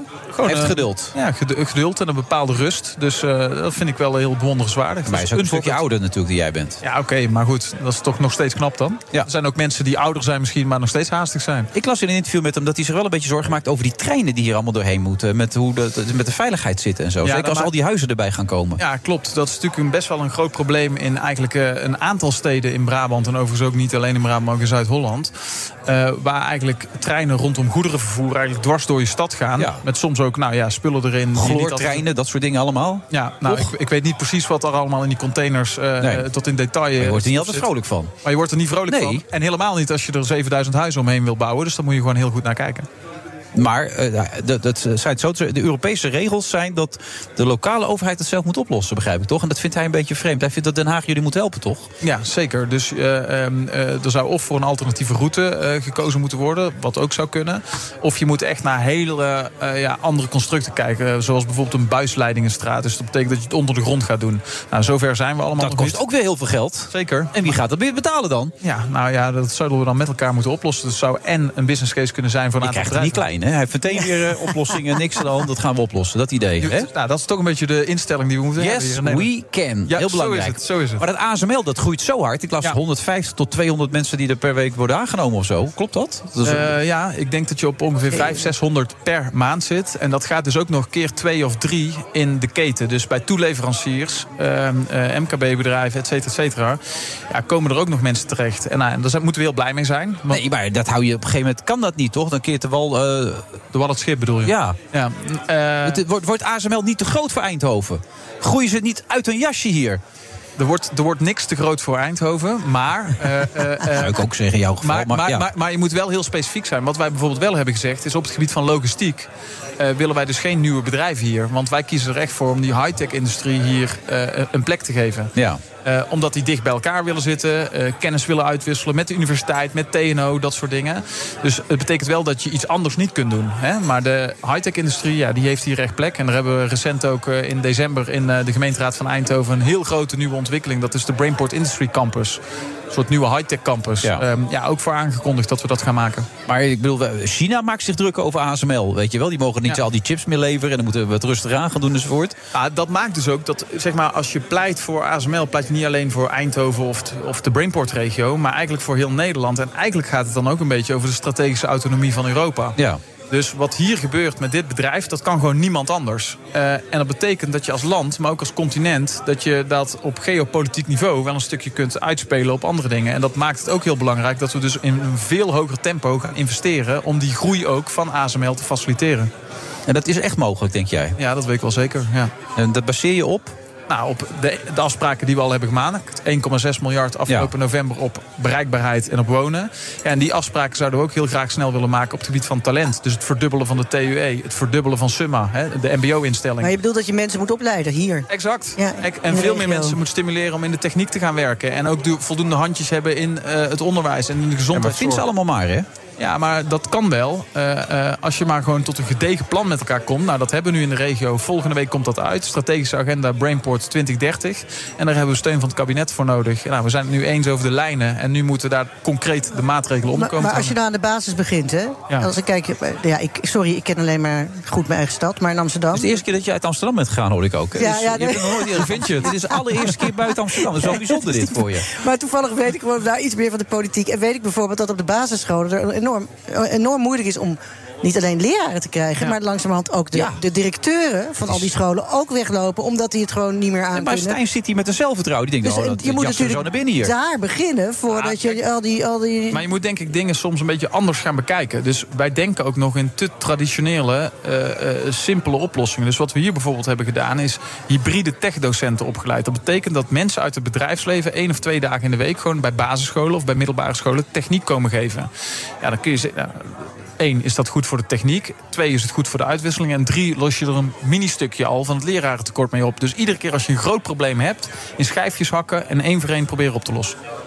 Hij heeft wel gelijk, zo kun je Ja, het ook doen. nee, hè? ik vind, ik vind Heel die schrijfjes... En dat is ook een wel- belangrijke reden om wel- te zeggen. En dan maken we even de cirkel weer rond, Stijn. Want je hebt ooit als beleidsmedewerker natuurlijk al in Den Haag gewerkt. Je hebt er een beetje aan kunnen ruiken, een beetje snuffelen. We hebben trouwens nu ook een jongen die een snuffelstage doet. Die is ook alles in de gaten houden de hele tijd. leuk. Oh, hij zit nu op je- zijn telefoon. Hij zit waarschijnlijk te Pac-Man. Hij zit helemaal niet mee te of hij kijkt wat er binnenkomt aan, dingen misschien. de socials. even naar. Hij zit heel andere dingen te doen. Oh, hij zwaait nu wel. Nou, gelukkig dan maar. Maar ehm, het wordt tijd voor een nieuwe lichting. Een nieuwe lichting, eh, politici die het allemaal in kleine stukjes snijdt... en ervoor zorgt dat het gaat gebeuren. Wanneer gaat het bij jou gebeuren? Nou ja, het gebeurt al. Alleen, Nee, Den Haag. Dit is ook wel een beetje een fout van de journalistiek, vind ik. Echt Ja, dat vind ik ook. Een stukje feedback. Ja, vind ik absoluut. Eh, kijk, eh, op dagdagelijkse basis bouwen we hier scholen, zwembaden, huizen en andere dingen. Dus het wil niet zeggen dat als je actief bent in de politiek lokaal, eh, dat je per se naar Nee, Haag ik moet gaan. denk dat je hier meer kan doen. Het, het lastige is alleen, we hebben zojuist besproken hoe het vertrouwen in de Nederlandse politiek echt tot een absoluut dieptepunt is gekomen. Absoluut. En het heeft volgens mij te veel te maken met mensen die niet naar de oplossingen willen kijken, maar de hele tijd de problemen voor zich uit aan het schuiven zijn, zoals jij het net zei. daar ben ik en op een andere manier aan het doen zijn. Dus we hebben een nieuwe lichting politici nodig. Er lopen sowieso bij het CDA ook wel een paar jo- jonge gasten rond die dat kunnen. Bij de VVD zie ik het ook. Maar daar zou jij prima tussen passen, denk ik. Dus vandaar dat mijn vraag ook is, wanneer Nou, gaat het gebeuren? maar als een compliment. Dan, ja, nee, ik, ben, ik, focus, ik, ik, ik geloof ook in politiek. Ik het om, Stijn. Wat is er zo moeilijk aan om dat uit te spreken? Ja, omdat ik één, eh, eh, daar helemaal zelf nog niet van overtuigd ben dat ik dat zou willen. En twee, vind ik het ook heel prematuur. Want ik zit gewoon in een ontzettend leuke baan hier. En daar wil ik me volledig op kunnen concentreren. En daar heb ik mijn handen aan vol. Ik, ik werkte altijd bij de lokale televisie, maar ik wilde Ja. maar één ding. Ik wilde ooit de beste sportpresentator van Nederland worden. En dat kon alleen maar op het allerhoogste niveau. Ja. Dus dat sprak ik ook uit. En ik sprak het uit omdat ik mezelf daarmee onder druk zette. Daarmee zet ik mezelf ook een beetje aan, zo van dan moet je ook door. Ja, nou, nou, nou is toch overal wel de feedback dat ik niet echt aangezet hoef te worden. Nee, dat Eh, denk ik ook niet, maar- eh, nee, dus, dus ik hoef dat niet voor mezelf uit te spreken. Ik wil me gewoon echt focussen iedere keer op wat kan ik heel praktisch hier nu doen om een probleem op te lossen. En wat er dan in de toekomst komt, je sluit het komt niet vanzelf. Absoluut niet. Nee. Het is wel leuk, denk ik. Misschien. Is het hier voor goed? het land kan Is betekenen. het, is, het, is het hier goed trouwens in Eindhoven met het vertrouwen in de politiek? Nou ja, eh, wel, ik, ik denk be- echt veel beter dan landelijk. En ik denk ook dat dat komt. eh, en natuurlijk gaan hier dingen ook verkeerd. Hè, en worden wij ook aangesproken op dingen die we niet oplossen. Want we lossen ook niet alles op. Ehm, eh, maar ik denk wel echt beter dan, in, eh, dan hoe, de poli- ja, hoe het vertrouwen in de politiek nu in Den Haag bij de provinciale statenverkiezingen is het CDA weggeblazen hè, door de BBB. Ja, dat is echt verschrikkelijk. Ja. En Ja. bij de gemeenteraadsverkiezingen niet. Nee. Hier. Nee, dat is... eh, even kwijt natuurlijk. Hè, Natuurlijk. laatste. Ja. Stukje. Ik hoorde Daar- dat je ging afronden. En Ik daar denk, blijf je gooi ik er nog in. Nee, maar het is goed om dit energie te zien, Stijn. Hartstikke mooi. En ik hoop dat je het vast kan houden. En dat is misschien ook wel zo. Ik heb ook allemaal politici in Den Haag binnen zien komen. Die waren het na een paar jaar wel kwijt, die energie. En dat is ook niet de bedoeling. Je moet Nee. je ook niet afbranden Nee, natuurlijk. precies. Moet een beetje leuk ik zou lekker hier blijven. Ja. Nee, je zit hier hartstikke goed, man. Een beetje PSV bezoeken. Zo is het, zo is het. Man, Den Haag laat lekker zitten, joh. Laat u uitzoeken daar, man. Hè. Stijn Steenbakkers, hè. Wethouder hier in eh, Eindhoven. En dan blijft hij nog een hele tijd. Bedankt dat je er was. Dankjewel, Wilfred. Hoi.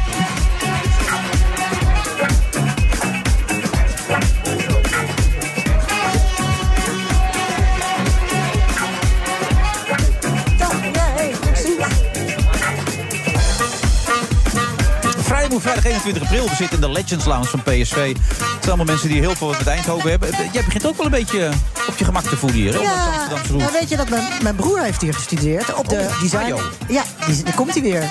Ja, daar is hij weer, Hij komt heel langs Hajo. Op de eh, Design Academy. En, Ja. eh, dus dan kwam ik hier vroeger wel eens. Maar ja, dat is wel 30 jaar geleden. Maar eh, dus het is niet dat ik. is een mooie eh, stad. het is een mooie stad. Het was een Leuke stad. mooie opleiding. Ja, hoor. Hey, Durf uh, ik Boudewijn, waar je het ook goed mee kon vinden. Nog steeds? Van, eh, ja, Nog toch? steeds, ja, je spreekt ja. Ja. Die zei van ze had absoluut de kwaliteiten om het tot een hele grote te scheppen, schoppen in het eh, vak ook van de televisie. Maar ze miste de ellebogen. Is dat zo? Eh, nou ja, dat, dat, dat, dat, dat, is een, een van de dingen. Ja, ik, eh, weet- ik weet niet of ik, of ik die kwaliteiten had. Maar het is wel zo dat ik niet makkelijk om iets vraag. Nee. Ik denk eh, dat dat wel nodig is. En dat, je, en, en dat je ook voor jezelf moet denken, dat wil ik. Jij zei, ik wilde gewoon de beste eh, Sportpresentator worden. Van de, nou, dat durfde ik niet eens voor mezelf eh, zo'n doel te stellen, weet je wel. Dus ik heb altijd maar een beetje gedaan wat er op mijn pad kwam. Heb ik nog mazzel gehad dat er zoveel op mijn Ja, pad is veel kwam. op je pad gekomen. is veel op mijn pad. Nou, dat heb ik gedaan. Nou, toen er niks meer op mijn pad kwam, toen... Heb je een boek geschreven? nou ja, eerst een documentaire gemaakt, dan Ja. een boek. Ja, dan doe ik, soms doe ik dan... Dat is wel zo, als er echt niks op mijn pad komt... dan ga ik ook wel weer uit mezelf wat doen. Dat is dan ook wel weer een, eh, ja, een fijne constatering. Hartstikke goed. Inmiddels aangeschoven Mike Weerts. Ja, goedemiddag. Ja, zojuist staat die Björn van der Doelen nog. Ja. En jullie schijnen enorme ruzie te hebben, klopt dat? Ja, het is verschrikkelijk. Ja, ik wil eigenlijk hoe helemaal nooit meer met hem praten. Nee. Ja, dat, Björn die eist alle aandacht Ja. hier in Brabant. En het moet maar eens dat, ja. afgelopen zijn met die jongen. Acteur en presentator, wat, wat waren jouw doelstellingen vroeger? Ehm, nou, ik, toen ik studeerde, toen ik ging, eh, werd aangenomen hier op de Academie voor Drama in Eindhoven, waar Theo Maas onder andere ook gezeten heeft. Toen eh, zei de directeur: gefeliciteerd. We zaten met 20 mensen. Slechte nieuws: 10% van jullie eh, gaat ook echt zijn werk ervan maken. Toen dacht ik, daar ben ik er één van. Toen ging ik ook meteen rondkijken wie dan die andere was. Ja, dat, dat is gelukt. Ja. Eh, maar je had wel die drive al vanaf ja, het begin. Ja, ja, anders dan moet je er niet aan beginnen, denk Ja. ik. En wat wilde je dan bereiken precies? Wat zat in je hoofd dan? Wat was dan het doel? Mijn, toen, mijn Ja? ambitie was, ik wilde ooit één keer op het witte doek te zien zijn Ja. geweest. En dat, dat is wel... Dat is wel gelukt. Dat is meervoudig gelukt, ja. Ja. ja. En nu Ja. ben je klaar, zeg je eigenlijk? Ja, nu is het wel, nu is het wel Ja, mooi wat geweest. dan? Hè? Als, je, als Ja. dat je doel is en als dat dan Ja. is gebeurd, wat dan? Wat is dan je ja, toen, toen had ik, was ik eh, eh, gevraagd als acteur. En toen dacht ik, dan wil ik zelf een keer... een- Oh, hey, The Legend. Dit zijn de Legend Lounge eh, dit zijn, toch? hè? Frank, dit zijn ja, ze. Dit zijn ze. Dit zijn, nou, dit zijn hele Frank, bijzondere dit zijn ze, toch? Dit zijn jij wel de Legends. Ja, ik hou enorm van Ja, bitterballen. in Eindhoven is er één begrip. Dat zijn de Legends Ja, die zijn eh, heel- bitterballen. heel bijzonder. Eh, die zijn echt fantastisch. Die moet je straks Ja, ik ga zo even keuren. Ja, ja. Ja, die zijn fantastisch. Maar wat wilde je expliciet dus op het witte doek? Dat had je het gedaan. En toen was het... toen wilde ik een film maken. En toen zei iedereen, dat moet je niet doen, want dat is heel moeilijk in Nederland. Dat, dat, ging ook goed, dus dat Ja. lukte ook. En eh, ik wilde ooit in, eh, in, eh, in, eh, in Amsterdam in Carré spelen. Ja. Eh, daar mocht ik zelf ooit, ooit in première gaan met een voorstelling van Stage Entertainment nog. Dus ja, toen had ik eigenlijk niet zo... Zo voetbalvrouwen gedaan? Want daar ken ik jou een beetje van. Dus Ja. ja, nou, Ja. toen het was het klaar natuurlijk. Maar als wat je zou het dan nu zijn? Wat is het dan nu? Nou, eh, toen, werd ik, eh, toen kwam corona, toen stopte al dat eh, Ja. werk zo'n klein beetje. En toen eh, dacht, ik, ging ik nadenken, wat wil ik dan nog? En toen eh, werd ik ook 40. En dan, dan komt er zo'n moment in je leven. Ja. Hè? Dus toen dacht ik, ik wil eigenlijk meer Mike zijn. Dus niet elke keer eh, verstopt achter die personages, maar impact maken, verhalen vertellen vanuit mezelf. En eh, toen. ehm, heb heb ik besloten, ik wil meer presenteren. Dus ik doe veel dagvoorzitterschappen en voor bedrijven en organisaties. Jij ook volgens mij, toch? Ja, dat vind ik ontzettend leuk om te doen. En Vooral als het een beetje maatschappelijk georiënteerd is. Dan, vind, dan, dan kan ik er nog iets in kwijt. Dan, heeft het, dan maak je op een goede manier impact. En eh, sinds januari ben ik directeur-bestuurder van de lokale omroep. Hier in Eindhoven. Bestuurder? Nou. Ja. Dat is Ja. een hele andere wending dan. Ja. Een hele andere wending. Maar, maar wel dat ik dacht, we, zijn, Stijn zei het zo, zojuist ook al, we zijn een stad, het groeit hier heel snel. Zo, nogal ja. Ja, mijn, mijn kinderen groeien hier op, 8 en 10, een meisje en een jongen. En ehm, ik zie eh, de kwaliteiten van dat groeien. Dus, dus de, de economische eh, voortvarendheid. Het gaat hier heel goed, we verdienen heel veel geld hier. Maar je ziet ook die andere uitdagingen in de stad. eh, Dat mensen niet meer aangelijnd kunnen blijven. Dat ze zich niet meer herkennen in de identiteit van een stad. En ik, ik voelde een soort van, ja... Ik, ik ben ervan overtuigd dat beeldvorming, bewustwording, dus de juiste verhalen vertellen met de juiste taal, dat je daarmee mensen bij elkaar kan houden. Dus ik dacht, ja, hoe doe ik dat dan? En ik vond dat de omroep eh, eh, wel al goed nieuws bracht, maar de verbindende functie kon sterker. En ik vind altijd, als je een grote mond hebt, dan moet je ook iets doen. En dat doe je het liefst als bestuurder. Niet als iemand die daar iets gaat maken, ook creëren, wat je eigenlijk vaak doet. Nee, ja, omdat, eh, omdat ik, ik doe dat part-time. Dus, dus eh, ik ben een beetje als Stijn. Ik, ik kan moeilijk stilstaan. Dus ik, ik had zoiets van: volgens mij heb je iemand nodig die die verbindingen in, in, dat, in, de, in die partnerships kan leggen. Zeg maar, met het bedrijfsleven, met kennisinstellingen, met de gemeente, met de inwoners. En we hebben een hele goede hoofdredacteur. En we hebben hele goede redacteuren, die, die doen het nieuws. En, en ik probeer vooral die verbinding met die stad te leggen en ons meer zichtbaar te Een maken. verbinder ben je dus nu geworden. Ja, een verbinder. Een verbinder. Ben je ook een vind ik verbinder wel ook. Vind ik, vind ik, een- vind ik een Ja, vies vind ik een woord. mooi woord, verbinder. Ja, vind je het mooi? Ik vind nee. het een beetje viezig. Ik ook. Ja, maar dan maar, overdrijf maar, ik ook maar een het is wel heel leuk om, om de boel een beetje in beweging te brengen en mensen bij elkaar te brengen. En dan de impact, de impact van verhalen is enorm. Heb je wel een liefhebber van de regionale omroep natuurlijk, hè? Als Ja. eh, oud Nou, ook AT5'er. wel. Ja, natuurlijk. Ik heb precies. lokale omroep Ja. in Groningen, dus Eh, ja. daar liggen mijn roots. Ja, Dus, eh, nou, moet je eens kijken wat er voor jou te- eh, terechtgekomen is. Ja, dus dat kun je- misschien dat kun je word ik afvragen, ooit. hè? Heel gezegd, Ja, maar- misschien word ik wel ooit John de Mol. En dan, en Ja, dan Maar eh, is dat je wens? Word ik jouw opdrachtgever? Maar tegen die tijd ben ik al lang gestopt met jou melden. Ik ben er nu al eens klaar mee te doen dan, als ik heel eerlijk ben. En dan ben je ook nog iets met, met, met we hoorden net carnaval. Ja. Björn van het Doelen. Ja. Wat, wat is dat dan weer? Nou ja, Björn en ik zijn eigenlijk gewoon vrienden. Jij zegt we maken ruzie, maar nee, Björn en ik zijn Dat is eigenlijk... een geintje. Maar Ja, dat snapte ik. Nee, Ja, maar dat de, voelden de mensen misschien wel niet, hè? Dus, nee, die voelden dat cynisme of dat sarcasme daarin waarschijnlijk niet. deze niet, nee. Ja, nee. Ja, maar, maar, Vrienden. Vrienden. En eh, wij dachten, eh, carnaval, eh, daar zijn wij groot liefhebber van. De parade staat sinds twee jaar, hè, Festival de Parade, het rondreizend theatercircus. Nu ook Dat- in Eindhoven? Ja, ook in Oh, Eindhoven. zeg hé. Al voor het tweede jaar. Maar Ja. ja. dat loopt allemaal nog niet. En dan moet je een beetje eh, lokale mensen vragen om ook mee te doen. En eh, toen dachten Björn en ik, hey, we, we zijn allemaal gek op carnaval. Wij gaan het over het geluk van carnaval hebben. Want daar zit toch zoveel geluk, lieve mensen. Het zou ook wel leuk zijn als jullie dat op de, op de parade Ja, doen. in boven Amsterdam, de rivier in Utrecht. Amsterdam bijvoorbeeld, om dat uit te leggen. Ja, maar dat vinden we dan weer te ver. Ik heb zoveel... eh heel Je hebt toch een tijdje in Amsterdam? Of? Ja, twaalf jaar zelfs, ja. En hoe vond je Ja. dat? Ja, voor- ik, het- toen in die tijd fantastisch. Ik vind het een fantastische stad. Maar ik ben heel blij dat ik nu weer hier woon. Je kon niet zonder Eindhoven uiteindelijk. Nee, ja, nee, het grappig. Ik ben niet eens een geboren en getogen Eindhovenaar. Maar ik, ik voel me wel heel erg Eindhovenaar. Ik vind het een fantastische stad. Waar ben je geboren dan? In Overloon. Dat is eh, waar het Oorlogsmuseum eh, ligt. Maar Eindhovenaar is wat je echt voelt, zeg maar. Ja, ik, vind, ik, ik voel wel eh, dat, dat dat is het mooie van, van deze stad. Het is een stad, maar het is ontstaan uit dorpen. En, en die, dat dorpse, dat, dat je elkaar ziet en dat je met elkaar bezig bent, dat, dat is die gemeenschapszin die is, die is gebleven. Oké. En dat voelde ik in Amsterdam minder. En, en hier voelde ik dat heel sterk. En de lijntjes zijn kort. Als je iets wil, dan kan je eigenlijk heel snel bij iemand terecht... waardoor je die stappen kan maken. En, en ik hou van vooruitgang en, en, en een beetje Maar aanpakken. kijk, wat, wat Hadassa misschien terecht opmerkt. Ik bedoel, hier in deze omgeving weten ze toch wel wat de kracht van carnaval is. Dan kun je toch beter uitdragen om het uit te leggen.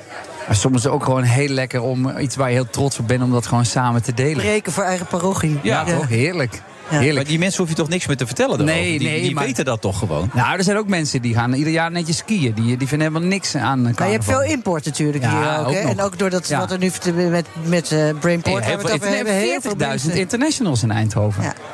Ja, dat is wel waar. Maar Ja. ga je die het nu ook uitleggen? Ga allemaal, die gaan we allemaal uitnodigen. Je gaat het niet in het Engels doen, neem ik aan. Nee, we gaan niet in het Engels doen. Dat kan Björn helemaal niet natuurlijk. Die Nee, spreekt alleen maar... die spreekt niet eens Nederlands. Nee, die spreekt Nee. een beetje Brabants. Ja. Ja. verder komt Björn natuurlijk niet. nee. Ja, hey. Nee, maar dat is ook wel. Ik moet ook eerlijk zeggen, het heeft ook wel met Björn te maken. Want die zegt ook eigenlijk.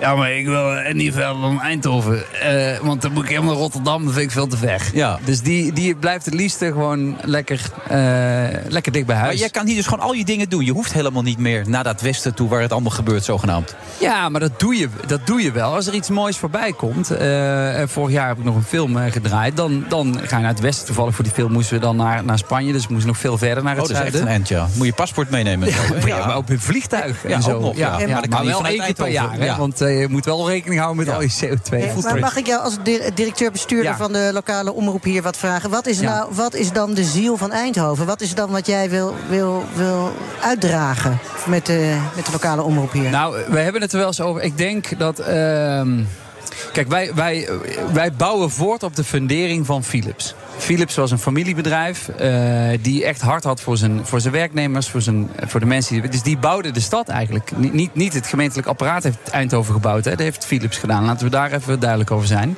En eh, inmiddels is het zo dat, dat, eh, dat het gemeentelijk apparaat ook aan de bak moet. Maar we hebben ook hulp van ASML en zo. Maar dus die, dat, dat je het samen moet doen. Er was hier niks. Schalen grond. Dus met klooien en pielen is Philips uiteindelijk groot geworden. En dat, dat, omdat er niks was, moet je het samen doen. Dat zit nog steeds als soort van DNA eh, in de vezels van ook de mensen die Ja, hier maar wonen. niet En- bij de lokale omroep dus. nou, te, te weinig. Eh, eh, dat, dat zat er te, te weinig in. Ja. en kan je, ik. meer, kan je meer brengen dan alleen maar nieuws hier? Ik vind, dat je, ik vind dat je eigenlijk als lokale omroep veel meer zou moeten brengen dan nieuws. Want nieuws vind je op de NOS en, en, en hier het ED of het AD. Weet je, dat zijn allemaal bedrijven die, die hebben zoveel mensen, die kunnen zoveel meer nieuws maken. Ik denk dat wij hier veel meer moeten kijken naar.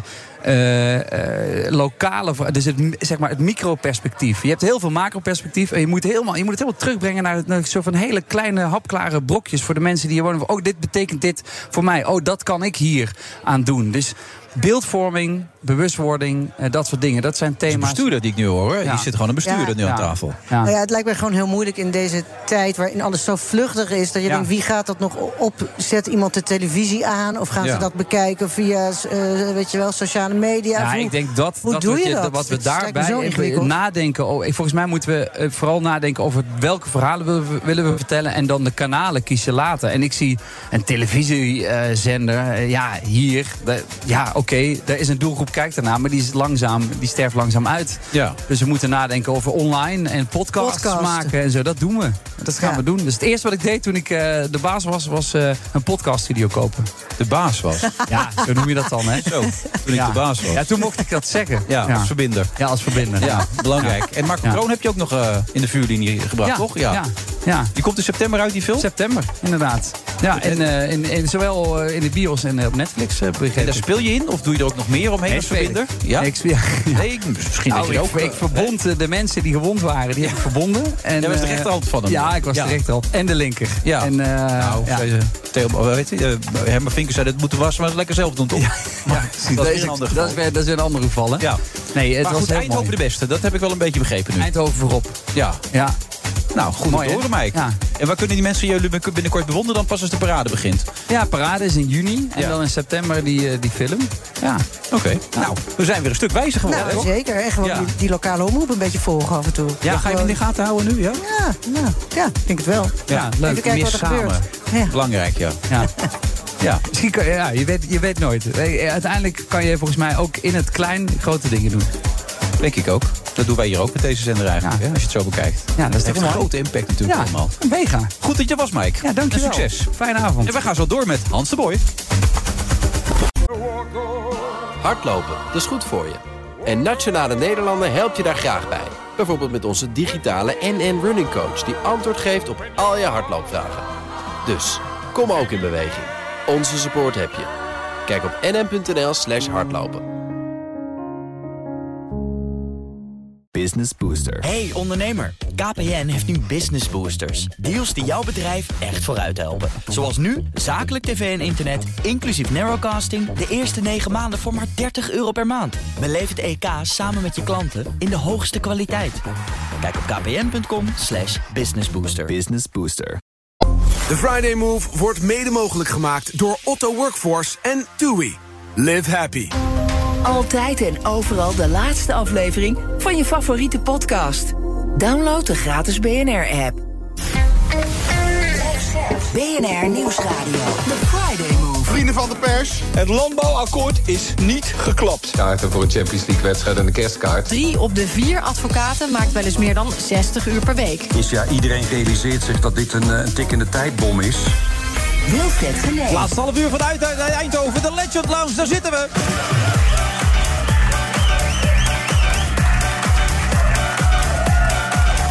Mensen nog steeds razend enthousiast natuurlijk hier in die Legend Lounge. Er is alle reden voor, want Hans de Boy is inmiddels aangeschoven, aangerold zou ik beter kunnen zeggen. Want hij heeft... eh, ja, Hans, wat heb je nou precies eigenlijk? Wat markeer je? Een gebroken scheenbeen en een gebroken kuitbeen. En eh, de hechtingen zijn er sinds eergisteren uit en het gips is eraf. En nu eh, de spalk nog een week of vier, vijf. Oh jee, maar je moet op jouw leeftijd ook niet meer voetballen, toch? Eh, ik stond op een home trainer met twee pedalen en ik wilde een, een, een, een raam eh, openklikken in het eh, schuine dak, maar dat ging niet helemaal lekker. En Nee. toen zette ik extra kracht en toen schoot een van die pedalen weg en de overburen hebben het horen kraken. Jeetje, Mina, gadverdarrie. Ja, Ja. Qua Ja. timing ook heel... Het is nooit fijn, maar de timing is nu wel eh, helemaal ellendig voor je, denk ik. Ja, was niet leuk. Het boek komt uit en- of kwam uit en zo. En, eh, ja. we doen, we doen alles Leeuwen- wat we hebben afgesproken. Had Sander van Leeuwen zo hard aan gewerkt. Sander, ook goed dat jij er bent. Ja, dankjewel. Is het nou een klootzak of niet, die Hans de Boy? Zullen we dat over een half uur eh, beslissen? Ja, maar ik kan het gelijk even aan jou vragen. Jij hebt het boek geschreven. Op een gegeven moment... Ik zit namelijk dat boek te lezen. Op een gegeven moment denk ik... Jezus, wat een eikel, denk ik dan. En op een gegeven moment zegt hij zelf... Ja, mensen gaan mij natuurlijk een enorme klootzak vinden... als ze dit allemaal zitten te lezen. Dus hij wist het wel van zichzelf. Wat, wat overheerst er bij jou nu? Ik denk niet dat het een klootzak is. Hij- Ik denk wel dat hij een aantal keer zijn eigen glazen in heeft gegooid. Ja. Ja, dat kun je wel zeggen. Dat kun je wel zeggen, ja. Maar het positieve daaraan is dat hij niet daar anderen per se de schuld van geeft. Dus dan, Uiteindelijk niet. Daar lijkt het eerst wel op. Hans, daar lijkt het eerst wel op dat je anderen de schuld geeft. Maar dat zeg je dan ook in het hoofdstuk. Ik heb de neiging om andere mensen de schuld te geven. Maar uiteindelijk is het allemaal jouw schuld, zeg je toch? Nou, alles is eigen verantwoordelijkheid. Ja. Dus eh, dat, dat, dat- ja, daar, daar doe ik niet zo moeilijk over. Nee, maar dat, dat, dat lees je eerst niet. Eerst krijg je het gevoel dat die mensen in de platenbusiness... allemaal narcisten en psychopaten... iedereen buit jou uit, je ouders waren niet heel erg aardig tegen je. Het lag steeds aan andere mensen, leek het in eerste instantie... als je het zit te lezen. Ja, maar dat draait op een gegeven moment bij. Ja, dan word je aardiger, hè? Dan wordt het, Ja. dan wordt het aangenaam. Want je zegt op een gegeven moment ook... eigenlijk denk ik niet dat ik een klootzak ben, toch? Nee. Nee. En dat voel je nog steeds zo, dat je geen klootzak bent?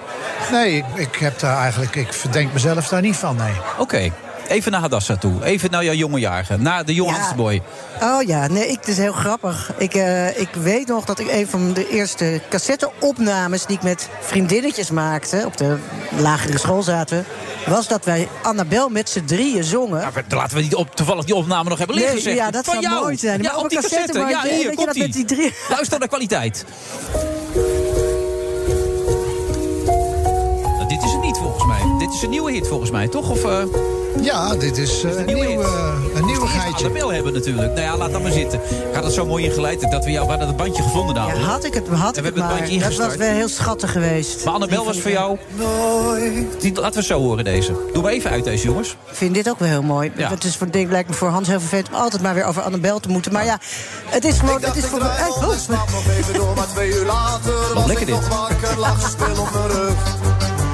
Nou, dat was hem dus. Die kende je. Maar het, is, het hoort voor mij heel erg bij een tijd. Dat, is Ja. gewoon, dat zullen heel veel mensen hebben. Dat je gewoon dat je meteen wordt, als het, eh, weet je, eh, dat je wordt teruggeworpen op, op een bepaalde periode uit je jeugd, als je het hoort. En eh, Ja. dat heb ik ook. Sander van Leeuw kende hem eigenlijk niet zo goed, die Hans de Boy. Hij had alleen via zijn broers vernomen.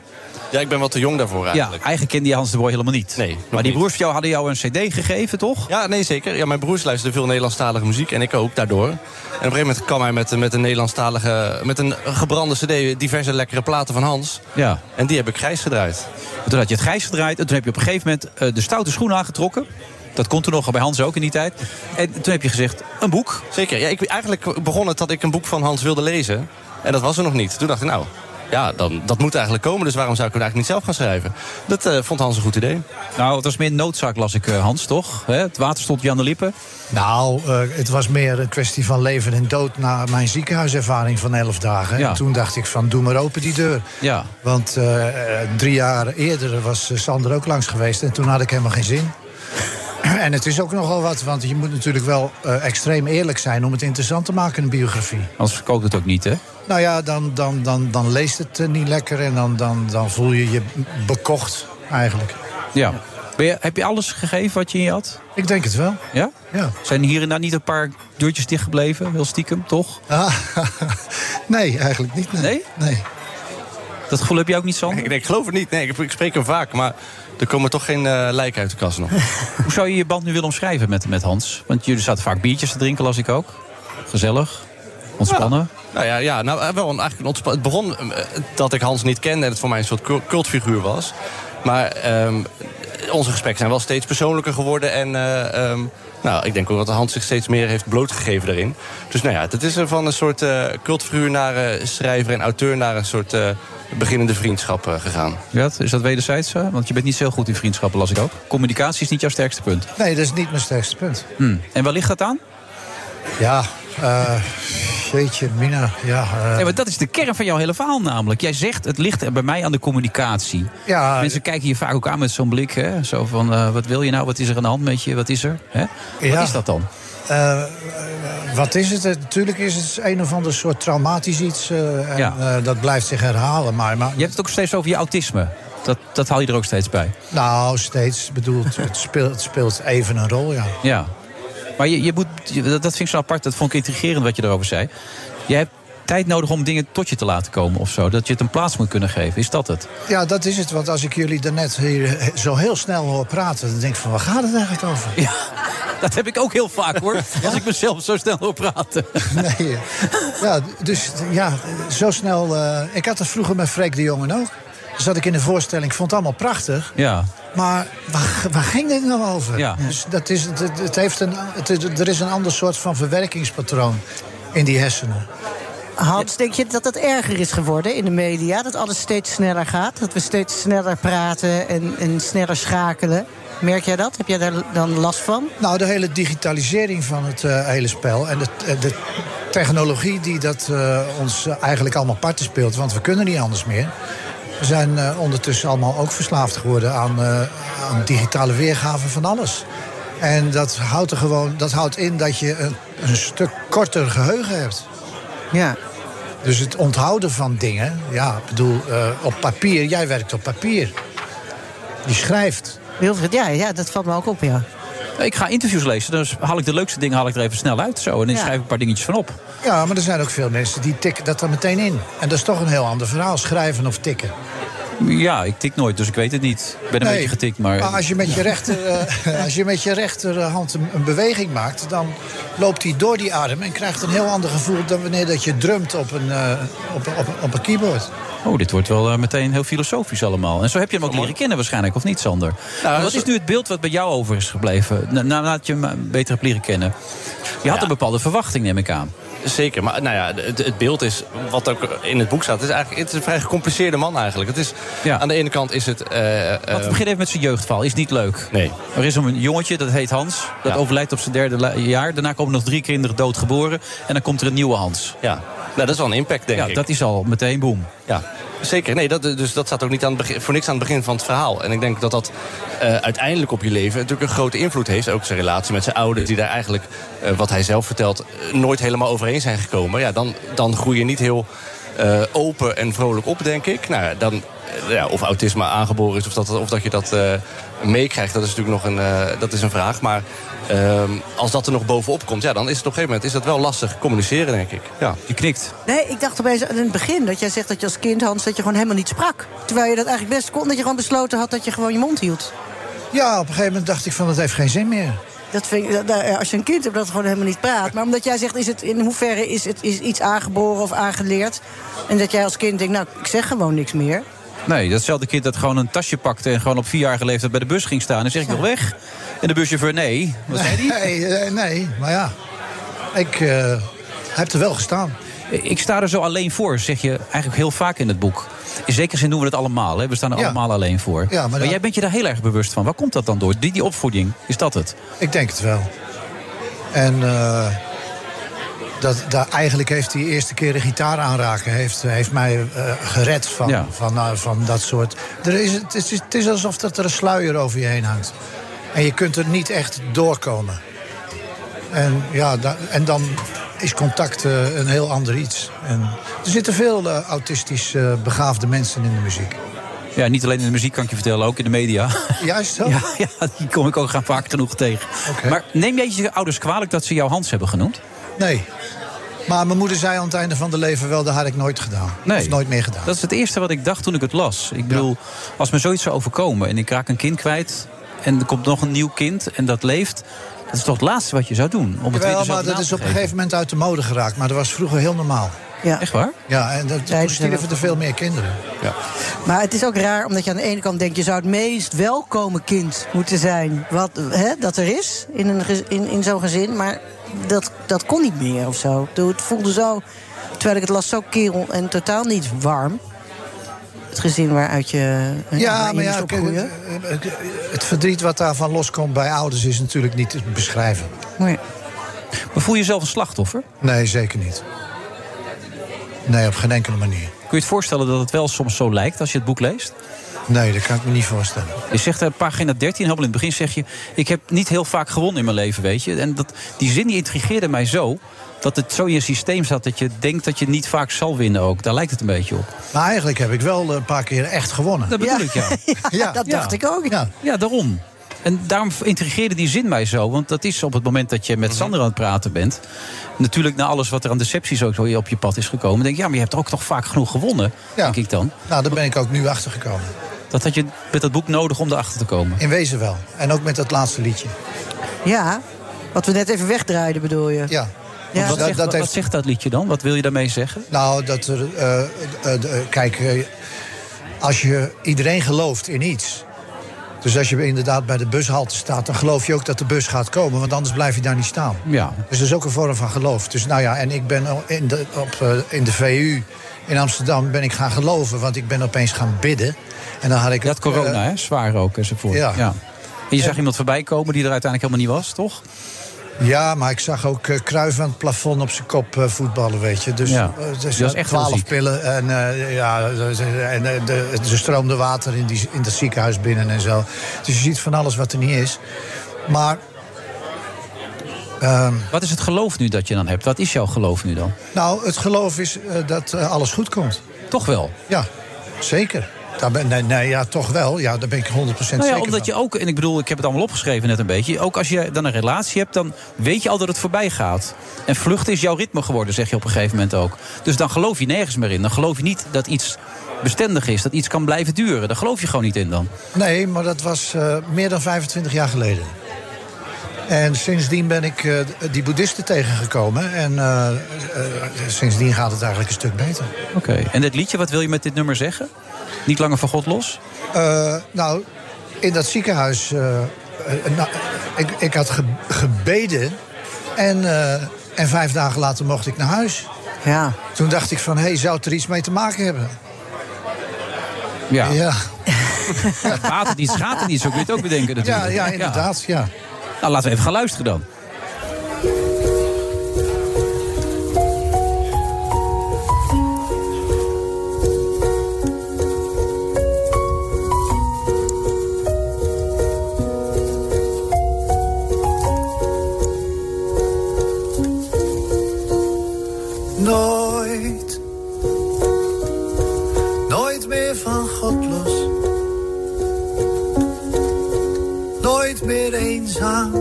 In de nacht.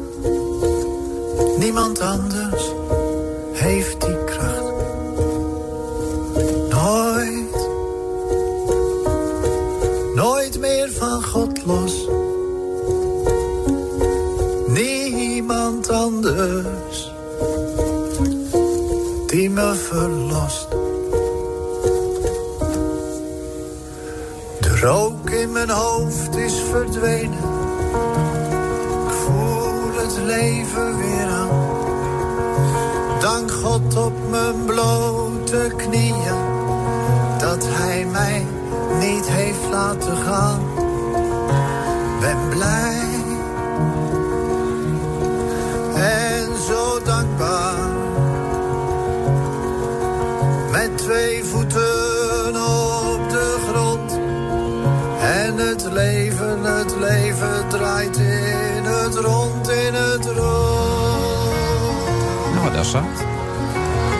Ja, nee, ik, ik, ik hoorde, ik, ik moest even denken, oh, Boudewijn de Groot. Want die was ook misschien belangrijk eh, in, jouw, eh, in jouw bestaan. En ik dacht, is dit voor jou misschien wel het meest betekenisvolle dat je ooit hebt gemaakt? Dat vroeg ik me af. Ja, dat is het.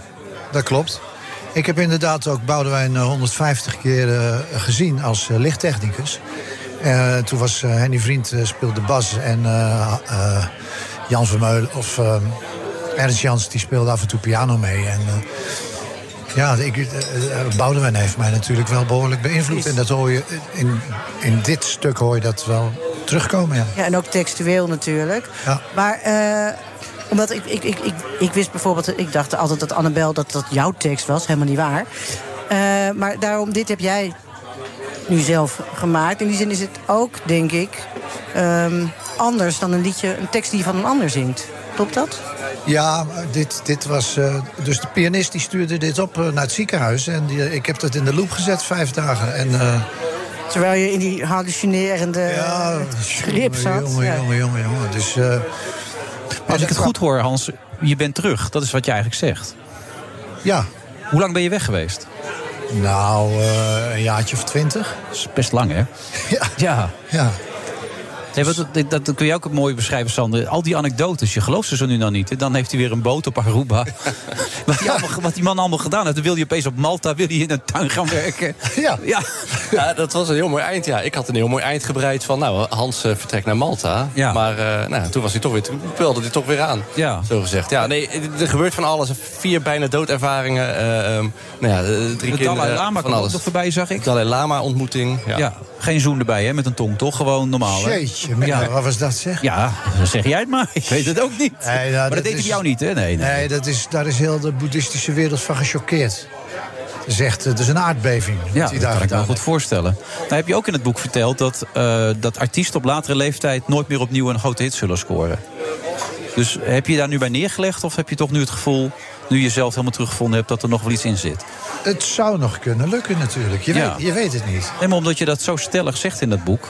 En dan wordt, zeg jij volgens mij Stef Bos, hoe noem je dan als Ja, voorbeeld? het- voorbeeld. Dus het, het zou nog wel kunnen. Je hoopt Rob er de nog wel Nijs op. had het ook eh, nog vrij laat. Zijn nummer één hit. Dat Ja. was, dat was eh, aan het ja, dat Maar die kwam toen aan een tijdje terug met nummers als Banger Hart en zo, Ja. kan ik Ja, me ook herinneren. ja, ja.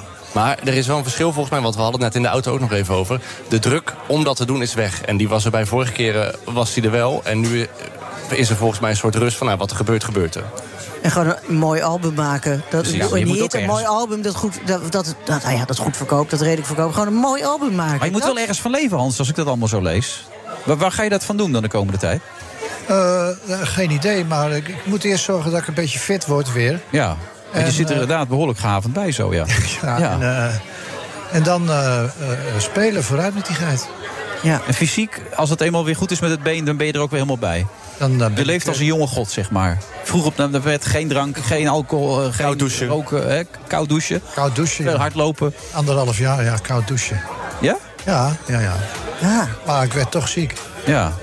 Dus het klopt niet helemaal, Wim Hof. Nee, maar ik zal het tegen hem zeggen. Ja, dat zeg ik maar. Maar we ain't seen nothing yet. We krijgen nog een keer de echte Hans de Boy te zien. Ja, tijd. dat, eh, die, die, die wordt hierin beschreven. Ja.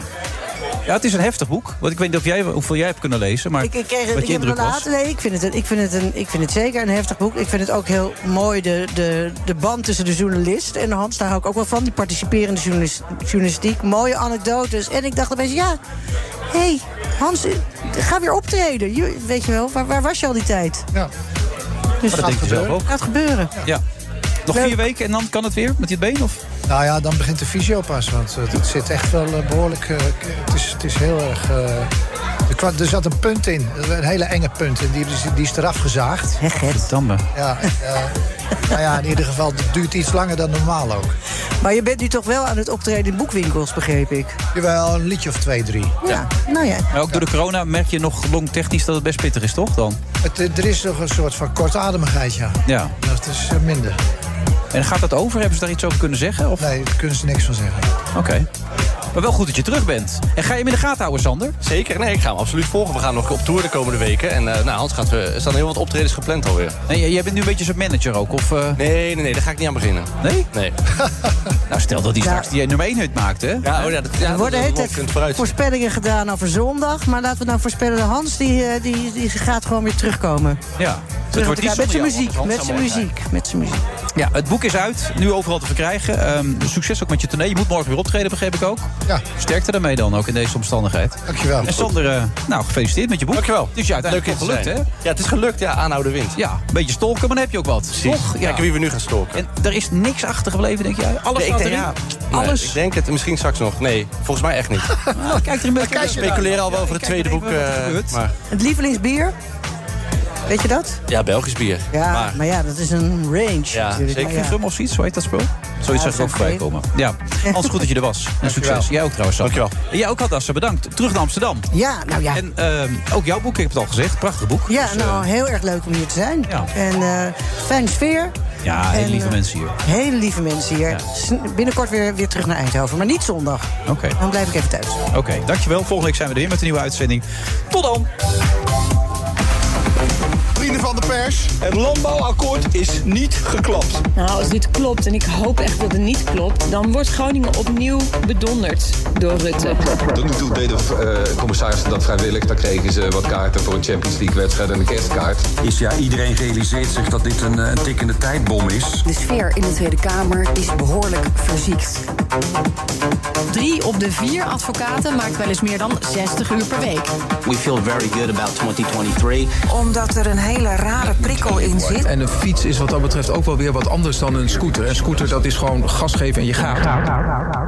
De Friday Move wordt mede mogelijk gemaakt door TUI en Otto Workforce. We take care of our people. Business Booster. Hey ondernemer, KPN heeft nu Business Boosters. Deals die jouw bedrijf echt vooruit helpen. Zoals nu, zakelijk tv en internet, inclusief narrowcasting... de eerste 9 maanden voor maar 30 euro per maand. Beleef het EK samen met je klanten in de hoogste kwaliteit.